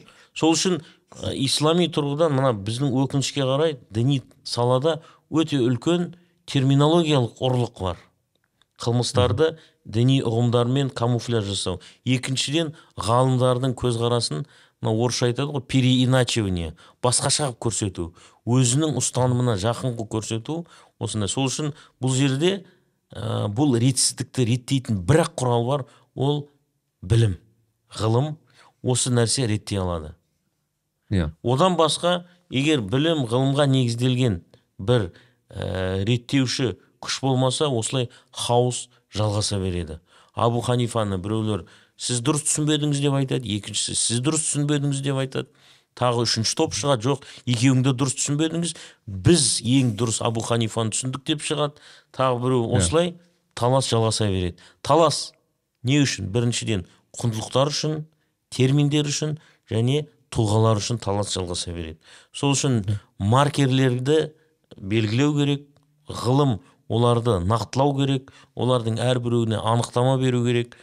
Жан жақтан жан жақтан бір оптикадан емес үш төрт оптикадан әртүрлі анықтамалар берілу керек. Окей. Өте өте ауқымды жауап бердіңіз асқар аға көп рахмет. Бұл енді менің ойымша көп осындай бір осыны біліп түсінгісі келіп жүрген адамдарға көмек болды деп есептеймін. Жалпы біз қазір салафи осы вахаби тағы басқа нелерді жамағаттарды атап өттік. Менің ойымша ол кісілерді ел біледі. Ә, ол енді өкінішке орай көбісі біледі. Ә, именно Иә. осы нелерге байланысты. Тіпті мен қателеспесем сіз жусан операциясына қатыстың жалпы осының ұйымдастыруына осы несіне қатыстыңыз? Сирияға кеткен біздің қайтарылған кісілермен жұмыс жасадым. Тікелей қатысқан жоқпын Иә. операцияға. Сол Иә, иә. кісілер ә, жазасын өтеп жатқан жерле же- жерлерінде ол кісілерге ә, лекция оқыдым дәріс оқыдым. Ол кісілермен ә, ана түсініктерін ә, дұрыстауға тырыстым. Ана бастарындағы идеологиялық деформацияға ұшыраған конструкцияларды дұрыстауға тырыстым. Иә. Жалпы ол кісілермен сөйлескеннен кейін жалпы сіздің бір бір картина пайда болды ма кеткен адамдардың? Жалпы осы өйткені біз біздің бір досымыз бар ыыы атыраулық жігіт жомарт деген ол өзінің доп сөз деген бір подкасты бар. Сонымен бір арамыздағы бір енді онша емес әзіл енді бірақ ол шындық. Ол айтады да менің мектебімнен дейді. Атыраудағы мектебін айтып тұр. Менің мектебімнен болашақ пен шетелге кеткеннен қарағанда ыыы сирияға кеткендер көп дейді да? Иә. Өкінішті статистика да? Өкінішті және де э, осыған байланысты білгім келеді да ол қандастардың жалпы жағдайы қандай болды? Өйткені бір екі ғана сұхбат болды мен көрген. Ыыы Иә. жалпы осы ютубта бар сұхбаттар бар. Бірақ жалпылама келгенде ол кісілер келді. Қазір мүмкін интеграция жүріп жатқан шығар ол қоғаммен. Бірақ ол арамызда бар ол кісілер әлі күнге дейін. Иә иә. Ана ол бізде олар қайтарып алдық. Қаншамасы кетті қайтты тағы басқа. Жалпы ә, бір қысқаша айтып өте аламыз ба? Осы өту жолын. Не? Адам өйткені бұл өте қызық мәселе ғой. Қалай сен өз былайша айтқанда отаныңды тастап а, бағанағы шетелге көшіп андай ә, бағанағы нелерге тап болып да еще байқасам ол тек еркек емес көп әйел кісілер кеткен. Ол жерде бала шағасымен от кеткен отбасылар қанша бар. Тағы басқа ол кісілердің жағдайы қалай? Жалпы қалай келді? Осы осыған тоқтала кете, кете аламыз ба? Енді мен соңғы бірнеше жыл ә, тікелей радикалдармен жұмыс істемей жүрмін. Қазіргі статистиканы нақты білмейді екенмін. Бірақ кезінде алты жүзден астам азамат азаматшаларымыз және әсіресе солардың ішінде балалар қайтарылды елге. Ер кісілердің көбі жазасын өтеп жатыр. Әйел кісілермен жұмыс істедік. Мен енді бір атыраудағы бір түзету мекеме, мекемеде мынау зум арқылы жұмыс жасадық кезінде. Ә, сол сол жерде жазасын өтеген кейбір азаматшалар қазір подкасттарда бар жан жақта енді өздері да қазіргі таңда теолог болып жұмыс істеп жатыр спец маман болып жұмыс істеп жатыр кезінде енді сол идилге барған азаматшаларымыз. Неде подкасттары бар жалпы көруге болады. Атыраудағы шапағат орталығының шығарған подкасттары бар. Сол жерде бейбіт құшқалиев ағамыз иә, жасады иә иә. Қазіргі таңда иә ол кісілер тура сол ә, дерадикализациямен айналысуда өздерінің жасаған қателіктерін басқа жастар жасамау үшін өздері үгіт насихат жүргізуде. Енді нақты статистикасын білмеймін қаншасы жұмыс жасап жатыр қаншамасы шықты оның нақты қазіргі таңда менде ақпарат статистикалық ақпарат жоқ. Бірақ жалпы бұл кісілердің арасында енді жалпы адам ә, бір жетістікке талпынады ғой. Бір успех деген нәрсе бар жетістік деген нәрсе бар. Ал енді бұл ә, радикалды деструктивті ағымдарда адамның ә, керісінше жетістігін шектейді бұл дүниеде. Вот. сол үшін мына кеткен қайтып келген жастарымыз болсын азамат азаматшаларымыз болса олар да бір белгілі деңгейде жетістікке жеткісі келеді осы дүниеде бір орын тапқысы келеді. Сол үшін көп жағдайда мүмкін өздерінің ұстанымдарын өткен қателіктерін мүмкін көрсеткісі келмейтін шығар. Мысалға қазір енді бұрынғы наркоман болған адамға сен наркоман бола болдың ба қалай болды деп қайта қайта сұраудан адам қиналады ғой. Сол үшін бұл кісілерде де сондай бір ұмытқысы келеді жалпы ол жағын. а? Жалпы ұмытқысы келеді ғой жалпы ол өмір иә ұмытқысы келеді. Сол үшін оны көп көрсеткісі келмейді. Қоғам арасында кәдімгідей бір азамат ретінде өзінің жетістікке жету жолдарын жұмысын оқуын дегендей жалдар, жал, жалғастырғысы келеді. Сол үшін ал енді ол кісілердің барлығы бақылауда оны қоғам білу керек. Бізде арнаулы мекемелер бар органдар бар. Солардың бақылауында енді статьялары мынау сотталған баптары ә, экстремизм терроризм болғасын ол кісілер бақылауда болады. Енді не себепті ол кісілер кетті? Айтып кеттім ғой оларды алып кеткен идеология. Оларды елден отбасыдан баласын кішкентай сәбисіне дейін алып кетуіне себеп болған нәрсе ол мына басындағы деструктивті радикалды идеология. Хижра деген ұғымды қолданды. Жамағат деген ұғымды қолданды. Хижра дегеніміз құдай үшін көшу ғой. Соны қолданды. Ә, жамағат деген ұғым ә, ол сол деструктивті бағана террор, террорлық ұйым деген ә, не мұсылмандар үшін өзі жамағат деген қасиетті ұғым. Мына мұсылман сүнниттер әсіресе өздерін әхлі сунна уәл жамаға деп атаймыз. Әхлі сүннет уәл жамағат. Яғни жамағаттың рөлі өте жоғары. Сіз бағана айтып кеттіңіз ғой. Адам бір жамағаттың бір топтың мүшесі болғысы келеді деген. Вот жамағат ұғымы өте маңызды. Сол кезде игилдің ә, идеологтары сол хижра деген ұғымды қолданды жамағат деген ұғымды қолданды. Тағут құранда сегіз рет аталған тағут сөзін біздің басқа өздерінен басқа барлық мемлекеттер үшін қолданды. Шайтани жүйе деген мағынаны білдіреді. Шайтан деген мағынаны білдіреді. Вот сол үшін бірақ бұл жерде бір нәрсені айтып кетейін. Бұл игилге бұл даишке тек қана қазақстан азаматтары кеткен жоқ. Мына батыс еуропадан жалпы батыс еуропадан кеткендердің саны батыс африкадан көп.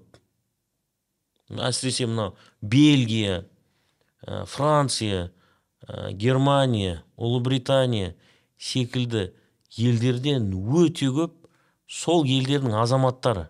Мүмкін аталары иммигрант болған үшін болған бірақ араларында жергілікті дінді қабылдаған жергілікті немістер жергілікті анау француздар ағылшындар сондай азаматтар да болды. Сол үшін бұл э, эпидемия тек қана қазақстан немесе орта азия немесе мұсылман елдерінде болды деп айтуға болмайды. Америкадан да ә, европадан да мынау басқа елдерден де мысалға тіпті өте дамыған сингапур секілді мысалға сондай елдерден де азаматтар сол игилге барды. Не үшін барды? Утопия үшін барды. Оларға бір Иә. утопия картина мира дедік қой бағана. Сондай бір утопиялық әлемнің картинасын көрсетті. Нелер бар ғой? Әртүрлі мына шыбын масал неге светке қарай ұшады ғой. Тура солай оларға жалған бір прожектор көрсетілді олар ұшып сол жерден күйді көрдіңіз ба көбісі сол жерде ә, қаза болды ә, енді мүмкін бір жетпіс сексен пайызы сол жерде қайтыс болған шығар Ә, ал енді қалғандары қазіргі таңда осылай қайтарылып яғни бұл тек қана қазақстанға байланысты қатысы бар ә, феномен емес бұл жалпы тек қана ислам әлемі емес бүкіл әлемдегі сол кездегі эпидемия болды европадан да кетті. Тіпті европаға кеткендердің мен бір жиналыста есімде ә, голландияның елшісі қазақстандағы ә, бір статистика бере бастады. Вот сіздерде адам құқықтары сақталмайды демократиялық нелер жоқ деп айтты айта бастады да. Сол кезде мен есімде ол кісіге осылай жауап берілді. Демократияның европадағы астанасы брюссельден жалпы кеткен террористер олар бізден көп екен. Бір брюссельден кеткен. Көрдіңіз ба? Сол үшін осындай ә, себептері бар. Жалпы идеологиялық тұрғыдан анықтылық керек. Анықтылық болмаса адамның дүниеге деген картинасы дұрыс қалыптаспаса ол осындай қауіпті жағдайларда қалып қалуы мүмкін. Өзіні өлімге қарай итермелеуі мүмкін. Яғни бұл радикализмнің соңы осыған дейін де баруы мүмкін ғой яғни. Елден көшіп өмірін қиып дегендей иә. Иә. Жалпы мен осы жусан операциясын зерттеген кезде қателеспесем қазақстан сол бір қайтарған бір жалғыз елдердің бірі болып есептеле ма сондай емес пе иә? Яғни өйткені мен, бағанағы бір документ жалғыз ел емес ә, ә, мен сізге айтайын ең бірінші қай- қайтарғандардың қатарында мына чечня бар. Сол жақтың ә, басшылары әйелдерді алып келді. Одан кейін қазақстан бар жалпы өзбекстан қырғызстан тәжікстан мына орта азия елдері бар. Одан кейін ә, европадан босния герцеговина болу керек солар қайтарды. Сондай көп емес бірақ. Мына иә, иә, батыстық елдер иә жалғыз емес ұлыбритания германия бельгия ә, голландия ә, франция секілді елдер олар қайтарған жоқ. Олар керісінше қарсы ол кісілердің елге оралуына олар қарсы ол, ол жақтағы биліктер. Вот. сол үшін біздің еліміз сол гуманитарлық операция аясында ол кісілерді алып келді. Ә, алып келген елдердің қатары көп емес бірақ сондай ә, қазіргі таңда білмеймін енді. Жалпы бірнеше жыл болды көп қатты араласып жүрген жоқпын сол жусан операциямен қайтарылған кісілермен. Бірақ ә, жалпы нәтижеміз жаман емес секілді. Сол кісілерді интеграция интеграция қоғамға қайтадан интеграция бойынша жасалған жұмыс нәтижелі деп естимін енді. Нақты айта алмаймын бірақ солай деп естимін. Ә, енді бөлек қазір дәл қазір біз осы сұхбат жүргізген кезде әлемнің басқа жерінде өте сұмдық гуманитарлық ә, апат әлемге өте сондай бір жалпы үміт жалпы үмітімізге әсіресе сондай бір қастандық жасап отыр деп өзім сенемін шыны керек. Палестина жағдайға келетін болсақ ә, өйткені расы керек ә, бүкіл әлемді қазір қынжылтқан сондай бір өте қиын мәселе. Өте күрделі өте көп ә, қозғалатын мәселе сұрақтар проблемалар бар. Бірақ осыған байланысты біздің жалпы иә өйткені асеке бізде ә, саясаттанушы емес. Оны бөлек саясаттанушы кісімен талқылаған дұрыс шығар осы мәселені. Бірақ ол жерде ә, белгілі бір топтар бар да ә, қатысатын. Ә, және де қазіргі тіпті осы м, батыстық батыстық медиада бұл соғысты палестина израиль соғысы емес хамас израиль соғысы деп айтады ыыы сондай бір нарратив жүреді. Жалпы ә, ал тіпті қазір мен енді өзім зерттеле келе қазір байқасам бұл жерде тек хамас емес тіпті палестиналық жалпы осы регионның ә, өзінде жалғыз хамас емес ол жерде братья мусульмане дейді ә, басқа хизбулла дейді тағы басқа ирандық бір бір нелерді айтады. Жалпы ә, өте топтар көп. Осыларға анықтама бере аламыз. Ба жалпы мысалы біз білеміз хамас ол террорлық ә, бір ұйым негізі алатын болсақ. Дұрыс па осы осы осы, осы анықтамадан бастасақ? Мен енді сіз айтып кеттіңіз саясаттанушы емеспін. Ә, бірақ ә, жал- жалпы палестина жерінде мұсылмандар үшін қасиетті болып есептелетін үшінші қасиетті мешіт бар. Әл ақса мешіті. Құранда исра сүресінде айтылған сол ақса мешіті мұсылмандар үшін қасиетті болып есептеледі. Үшінші қасиетті мекен. Ол жердің қақтығысы жалпы ә, өте тереңге кетеді.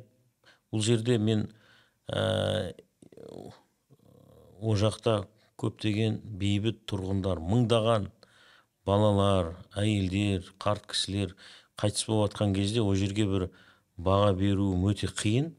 Дегенмен мына дінге байланысты. Мына айттыңыз ғой ұйымдарға байланысты. Ә, мүмкін бір пікірімді айта алатын шығармын. Ә, жалпы палестинада израильде де бірнеше топ бар екені анық. Мысалға палестиналықтардың өзі жергілікті мынау 19 ғасырдың ә, аяғына қарай көшіп келе бастаған еврей ұлты келместен бұрын сол жерде өмір сүрген палестиналықтар және олардың ұрпақтары қазіргі таңда төрт топқа бөлінген. Бірінші топ ол мынау иордан өзенінің фатх басқарып отырған махмуд аббас басқарып отырған ә, анклав бар. Автономия деп айтылады қазір палестинская автономия. Сол жердегі палестиналықтар бар.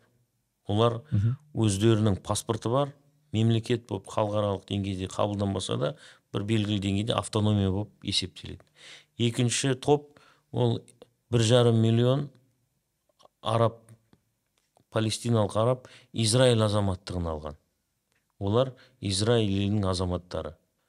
Үшінші топ газа. Деп аталатын сол сектор деп аталады ғой. Сектор газада өмір сүріп жатқан екі миллионнан астам палестиналық арабтар.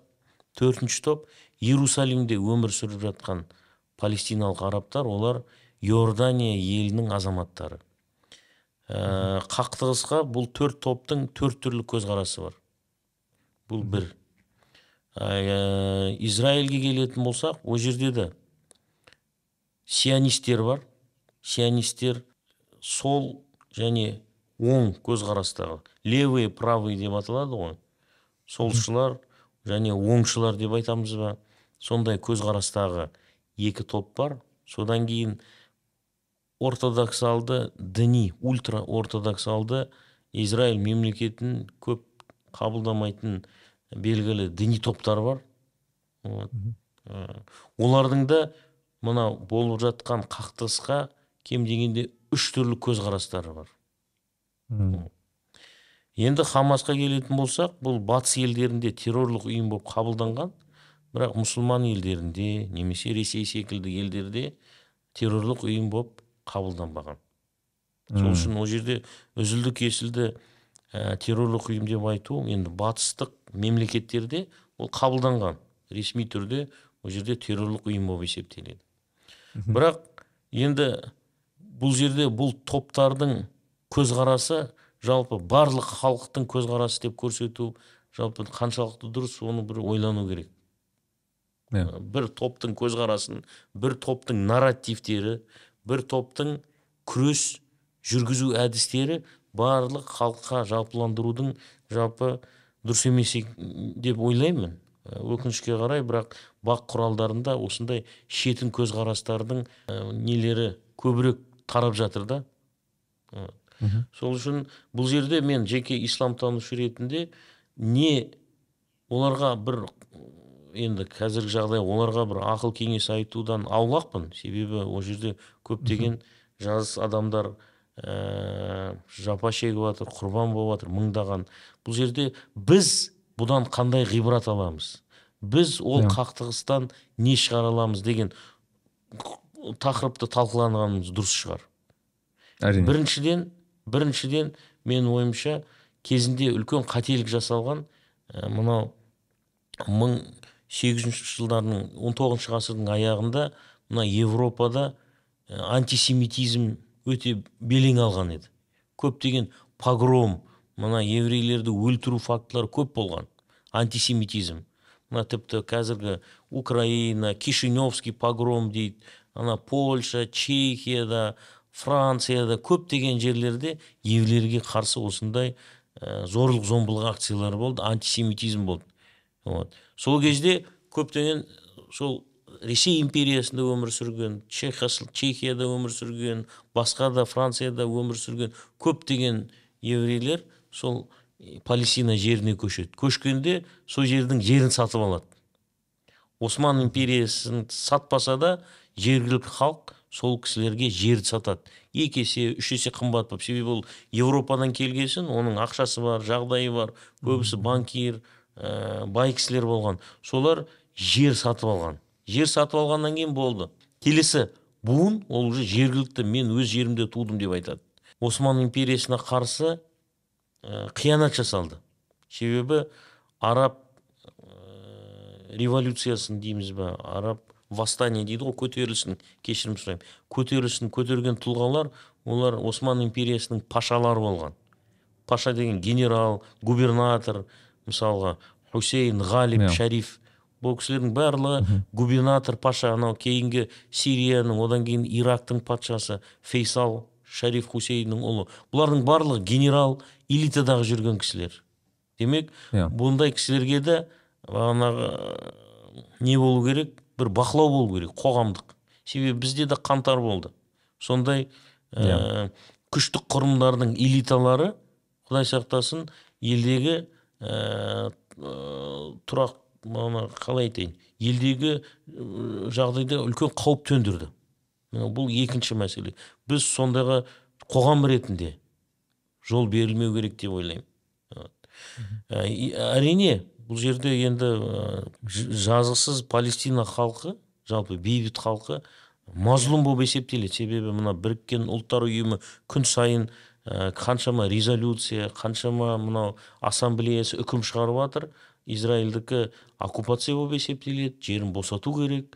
Палестиналықтар да өз мемлекеттің құруға мүмкіншілігі болу керек дегендей осындай ә, үндеулер болып жатыр. Біріккен ұлттар ұйымынан мына ә, басқа ә, елдерден да ресей болсын мына қытай болсын түркия болсын осы елдердің барлығы палестина арабтарының өзінің ә, мемлекеті болу керек. Сол үшін ал ол енді ол кісілерде ә, әртүрлі көзқарас бар дедік қой. Ә, сол м, израиль мемлекетін қабылдамайтын бір ә, көзқарастары бар. Енді ол израиль мемлекеті кезінде англияның мандатынан ә, біріккен ұлттар ұйымына берілді. Біріккен ұлттар ұйымының шешімімен құрылған мемлекет. Оның құқықтық негізі бар. Бірақ оны қабылдамайтын кейбір ә, көзқарастағы палестиналықтар бар. Сол үшін жалпы қазіргі орта жол мен енді жеке ойым сол палестиналықтарға мемлекет құру мүмкіндігін беру керек. Сол үшін мына халықаралық ұйымдардың ұсынысы да сол. Сол ә, қазіргі таңда аспан астындағы ашық түрме болып есептелетін маңайы қоршалған.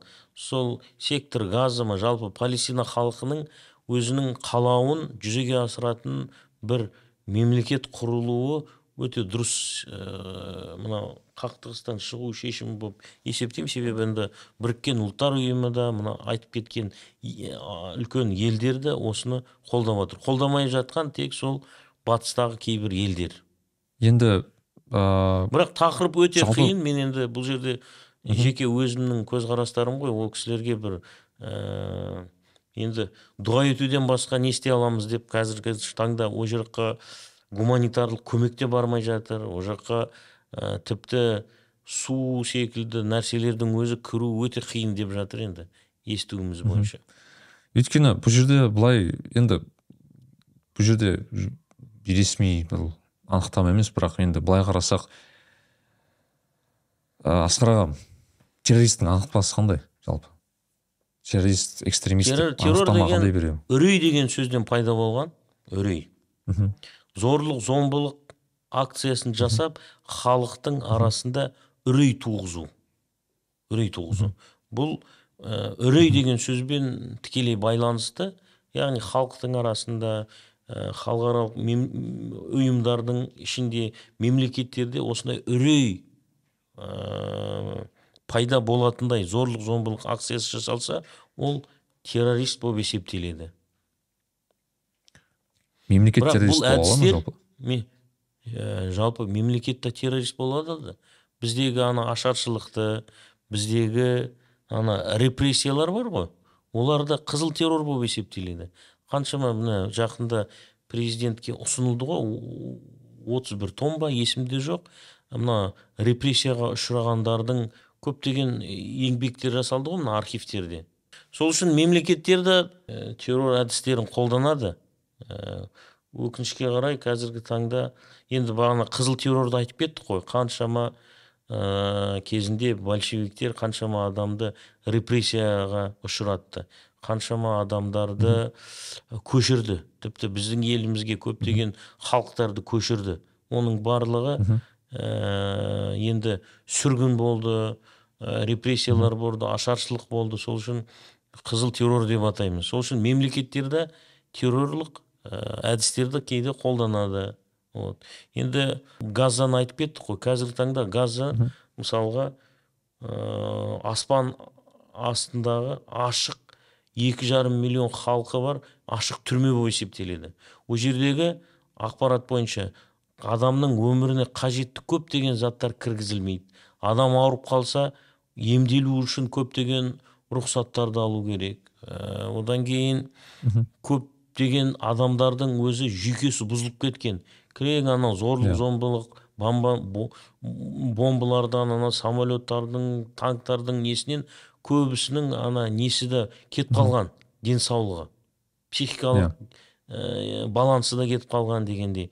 Сол үшін ә, бұл жерде мүдделі емес жапон халқы секілді немесе филиппин халқы секілді бір кімдердің кіруіне өте қиын болып жатыр. Мысалға біріккен ұлттар ұйымының адамдары қайтыс болып жатыр қазір сол бомбалаудың астында. Мына көптеген ә, журналистер қайтыс болып жатыр. Мен енді әл жазираның бірнеше журналисті сол ә, жалпы біріккен ұлттар ұйымында айтып жатыр ғой ұжымдық жазалауға болмайды деп. Бір ә, ұйым бір терактылар жасады деп сол халықтың бір жарым миллион халықты оңтүстікке көшіру олардан қажетті бағанағыдай су свет секілді нәрселерден қию секілді нәрсе өте ха- халықаралық құқықта да дұрыс емес деп айтылған. Бұны біріккен ұлттар ұйымы айтып жатыр. Ә, қазіргі таңда ә, барлық ә, мынау қақтығыстар тоқтау керек деп бүгін міне ә, біріккен ұлттар ұйымының ассамблеясы сондай дауыс беріп үкім шығарды. Сол үшін өте қиын тақырып өте қайғылы жағдайлар өте ұжымдық жазалау деген нәрсеге жол берілмеу керек. Мына халықаралық ұйымдарға ә, доступ берілу керек. Ол жердегі жарақатталған қайтыс болған көп. Енді ондай жағдайда өмір сүрген халықтың енді жағдай өте қиын. Өте бір ә, қайғылы жағдай деп айтайын өте. Әрине. Дұғадамыз ол кісілер үшін жалпы иә. басқа шыны керек амал болмай тұр басқа. Ә, асқар аға көп рахмет осы подкастымызға келген үшін. Менің ойымша өте көп тақырыптар қамтылды.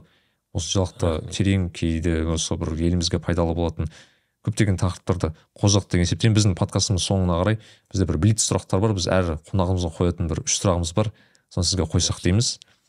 Жақсы. бірінші сұрақ ол соңғы ә, жылы соңғы уақытта өзіңізге бір жақсы жасалған бір инвестиция туралы айтсаң- айтатын болсаңыз инвестиция дегенде яғни өзіңізге бір белгілі бір дүниені сатып алдыңыз немесе бір нәрсені алдыңыз және өміріңізге бір керемет бір пайдасын бір көрсетті деген сияқты. Бір қандай бір дүниені айта алады едіңіз өзіңіз? Кітап болсын инвестицияда мұсылманда екі түрлі болады. Дүниелік инвестиция болады ахиреттік инвестиция болады. Аха. Сіз қайсысын айтып отырсыз? А, дүниелігін айтайыншы? Ә, дүниелік мен сізге екеуіне қатысты бір ә, екеуіне қатысты тікелей ақшаға байланысты инвестиция емес мынау ә, интеллектуалды жұмысқа байланысты бір инвестицияны айтайын. Осыдан бір бір ай бұрын ба бір жарым ай бұрын ба біз кезінде марқұм бауыржан әлиұлы ұстаз бар ерген сәмиев бауырымыз бар 2019 жылы құран кәрімді орыс тіліне аударғанбыз. Соны қайттан өңдеп соны қайттан 2000 тиражбен осы бір ай бұрын шығардық. Бұл бір жағынан ә, қаржылай инвестиция емес тағы да айтайын. Себебі ә, интеллектуалды инвестиция деп айтайын. Дүниеге де қатысы бар ақиретке де қатысы бар. Осындай инвестиция жасадық. Ә, бұл ең керемет инвестиция. Алла бауыржан ұстаз алла рахмын алсын. Екінші сұрақ өзіңіздің досыңызға жақыныңызға туыстарыңызға бір сыйлар қандай бір үш кітапты айтар едіңіз? Ол енді тақырыпқа байланысты. Қазіргі таңда сол құранды сыйлап жатырмыз келген кеткенге мүмкін болғанша. Ал енді ә, ол сыйлық ондай жүз пайыз бірдей сыйлық беремін деп айта алмаймын. Себебі адамдардың жағдайына қарай ә, сыйлық беріледі. Мысалға кітап дейтін болсақ мен оқыған кітаптардың біразы қиын да. Вот мына радикализм терроризмге қарсы сондай. Бірақ егер өз ә, бағанағы саламда қазір жұмыс жасап жатқан әріптестерім достарыма айтатын болсақ бір карен армстронгтың кітаптарын ұсынар едім. Екі француз оливье руа. Егер енді бұл мамандыққа байланысты айтып отырмын. Оливье руаның кітаптарын ұсынар едім. Және палестиналық араб бірақ христиан уэйл халлақ деген колумбия профессоры бар колумбия университетінің профессоры бар. Сол кісінің ислам құқығына байланысты жазған кітаптары бар. Сондай бір басқа оптикамен біздің исламды сипаттаған ә, өте жақсы кітабы бар. Сол кітаптарды ұсынар едім. Бірақ бұл ә, әріптестеріме беретін сыйлық. Оқыған кітаптарым көбісі осы ә, қалай айтайын арнайы бір литература болған соң оның бәріне ә, сыйлау қиын. Жалпы енді шәкәрім құдайбердіұлының кітаптарын сыйлар едім. Ә, міржақып дулатұлының қазір енді ә, жазылады. Мына алаш ұлағаты деген кеше бір кітапты көрдім. Ішінде көптеген жақсы мағлұматтар бар.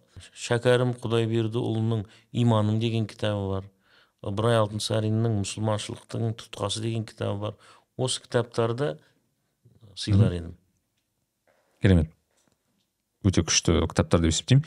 Және үшінші және соңғы осы бүгін подкасттың сұрағы ол кішкене сіздің неңізді қосу керек. Ә, визуализация қосу керек деп па? Ә, мысалы айтайық бүгінгі күні мысалы айтайық астана қаласында ең үлкен бір баннер бар. Рекламна қоятын осындай көше бойында ең үлкен. Баннер сіздікі ол толықтай ақ парақта тұр ештеңке жоқ. Ол бірақ сіздікі кез келген зат қоя аласыз қандай бір зат қояр едіңіз? Қандай бір, бір үндеу жолдау бір месседж қандай бір дүние қояр едіңіз сол жерге? Не кішкене тренд болып кет болып кетпейін бірақ міржақыптың оян қазақ деп ә, ұран жазуға болатын еді бір. Иә. Екі қазіргі еліміздегі ең үлкен проблема жемқорлық қылмыс және харам. Қылмыс заң бойынша діни тұрғыдан харам деп жазар едім. Үшінші керемет. білім талап ету әрбір мұсылманның парызы деген вариант ұсынар едім. Иә өте өте жақсы ұсыныстар деп есептеймін. Жалпы осы достар көп рахмет. Осы бүгінгі ә, ете ете ә, менің ойымша қызық подкасттардың бірі болды. Асқар аға сізге көп рахмет. Рахмет. Ә, алла жұмысыңызға береке берсін. Ә, және де бұл біздің соңғы подкастымыз ол енді алай талайын жазамыз деген үміттемін. Ал достар сіздер ә, осы асқар ағаның сілтемесін қалдырып кетемін. Бүкіл парақшаларына жазыңыздар біздің парақшамызға жазылыңыздар. Ал таратыңыздар осы ұнатып бағанағы басқа да ә, біздің достарыңызға туысқанға таратыңыздар пікір қалдырыңыздар жазылыңыздар жалпы осы көп рахмет сіздерге. Кездескенше күн жақсы деп айтайық. Ассалаумағалейкум.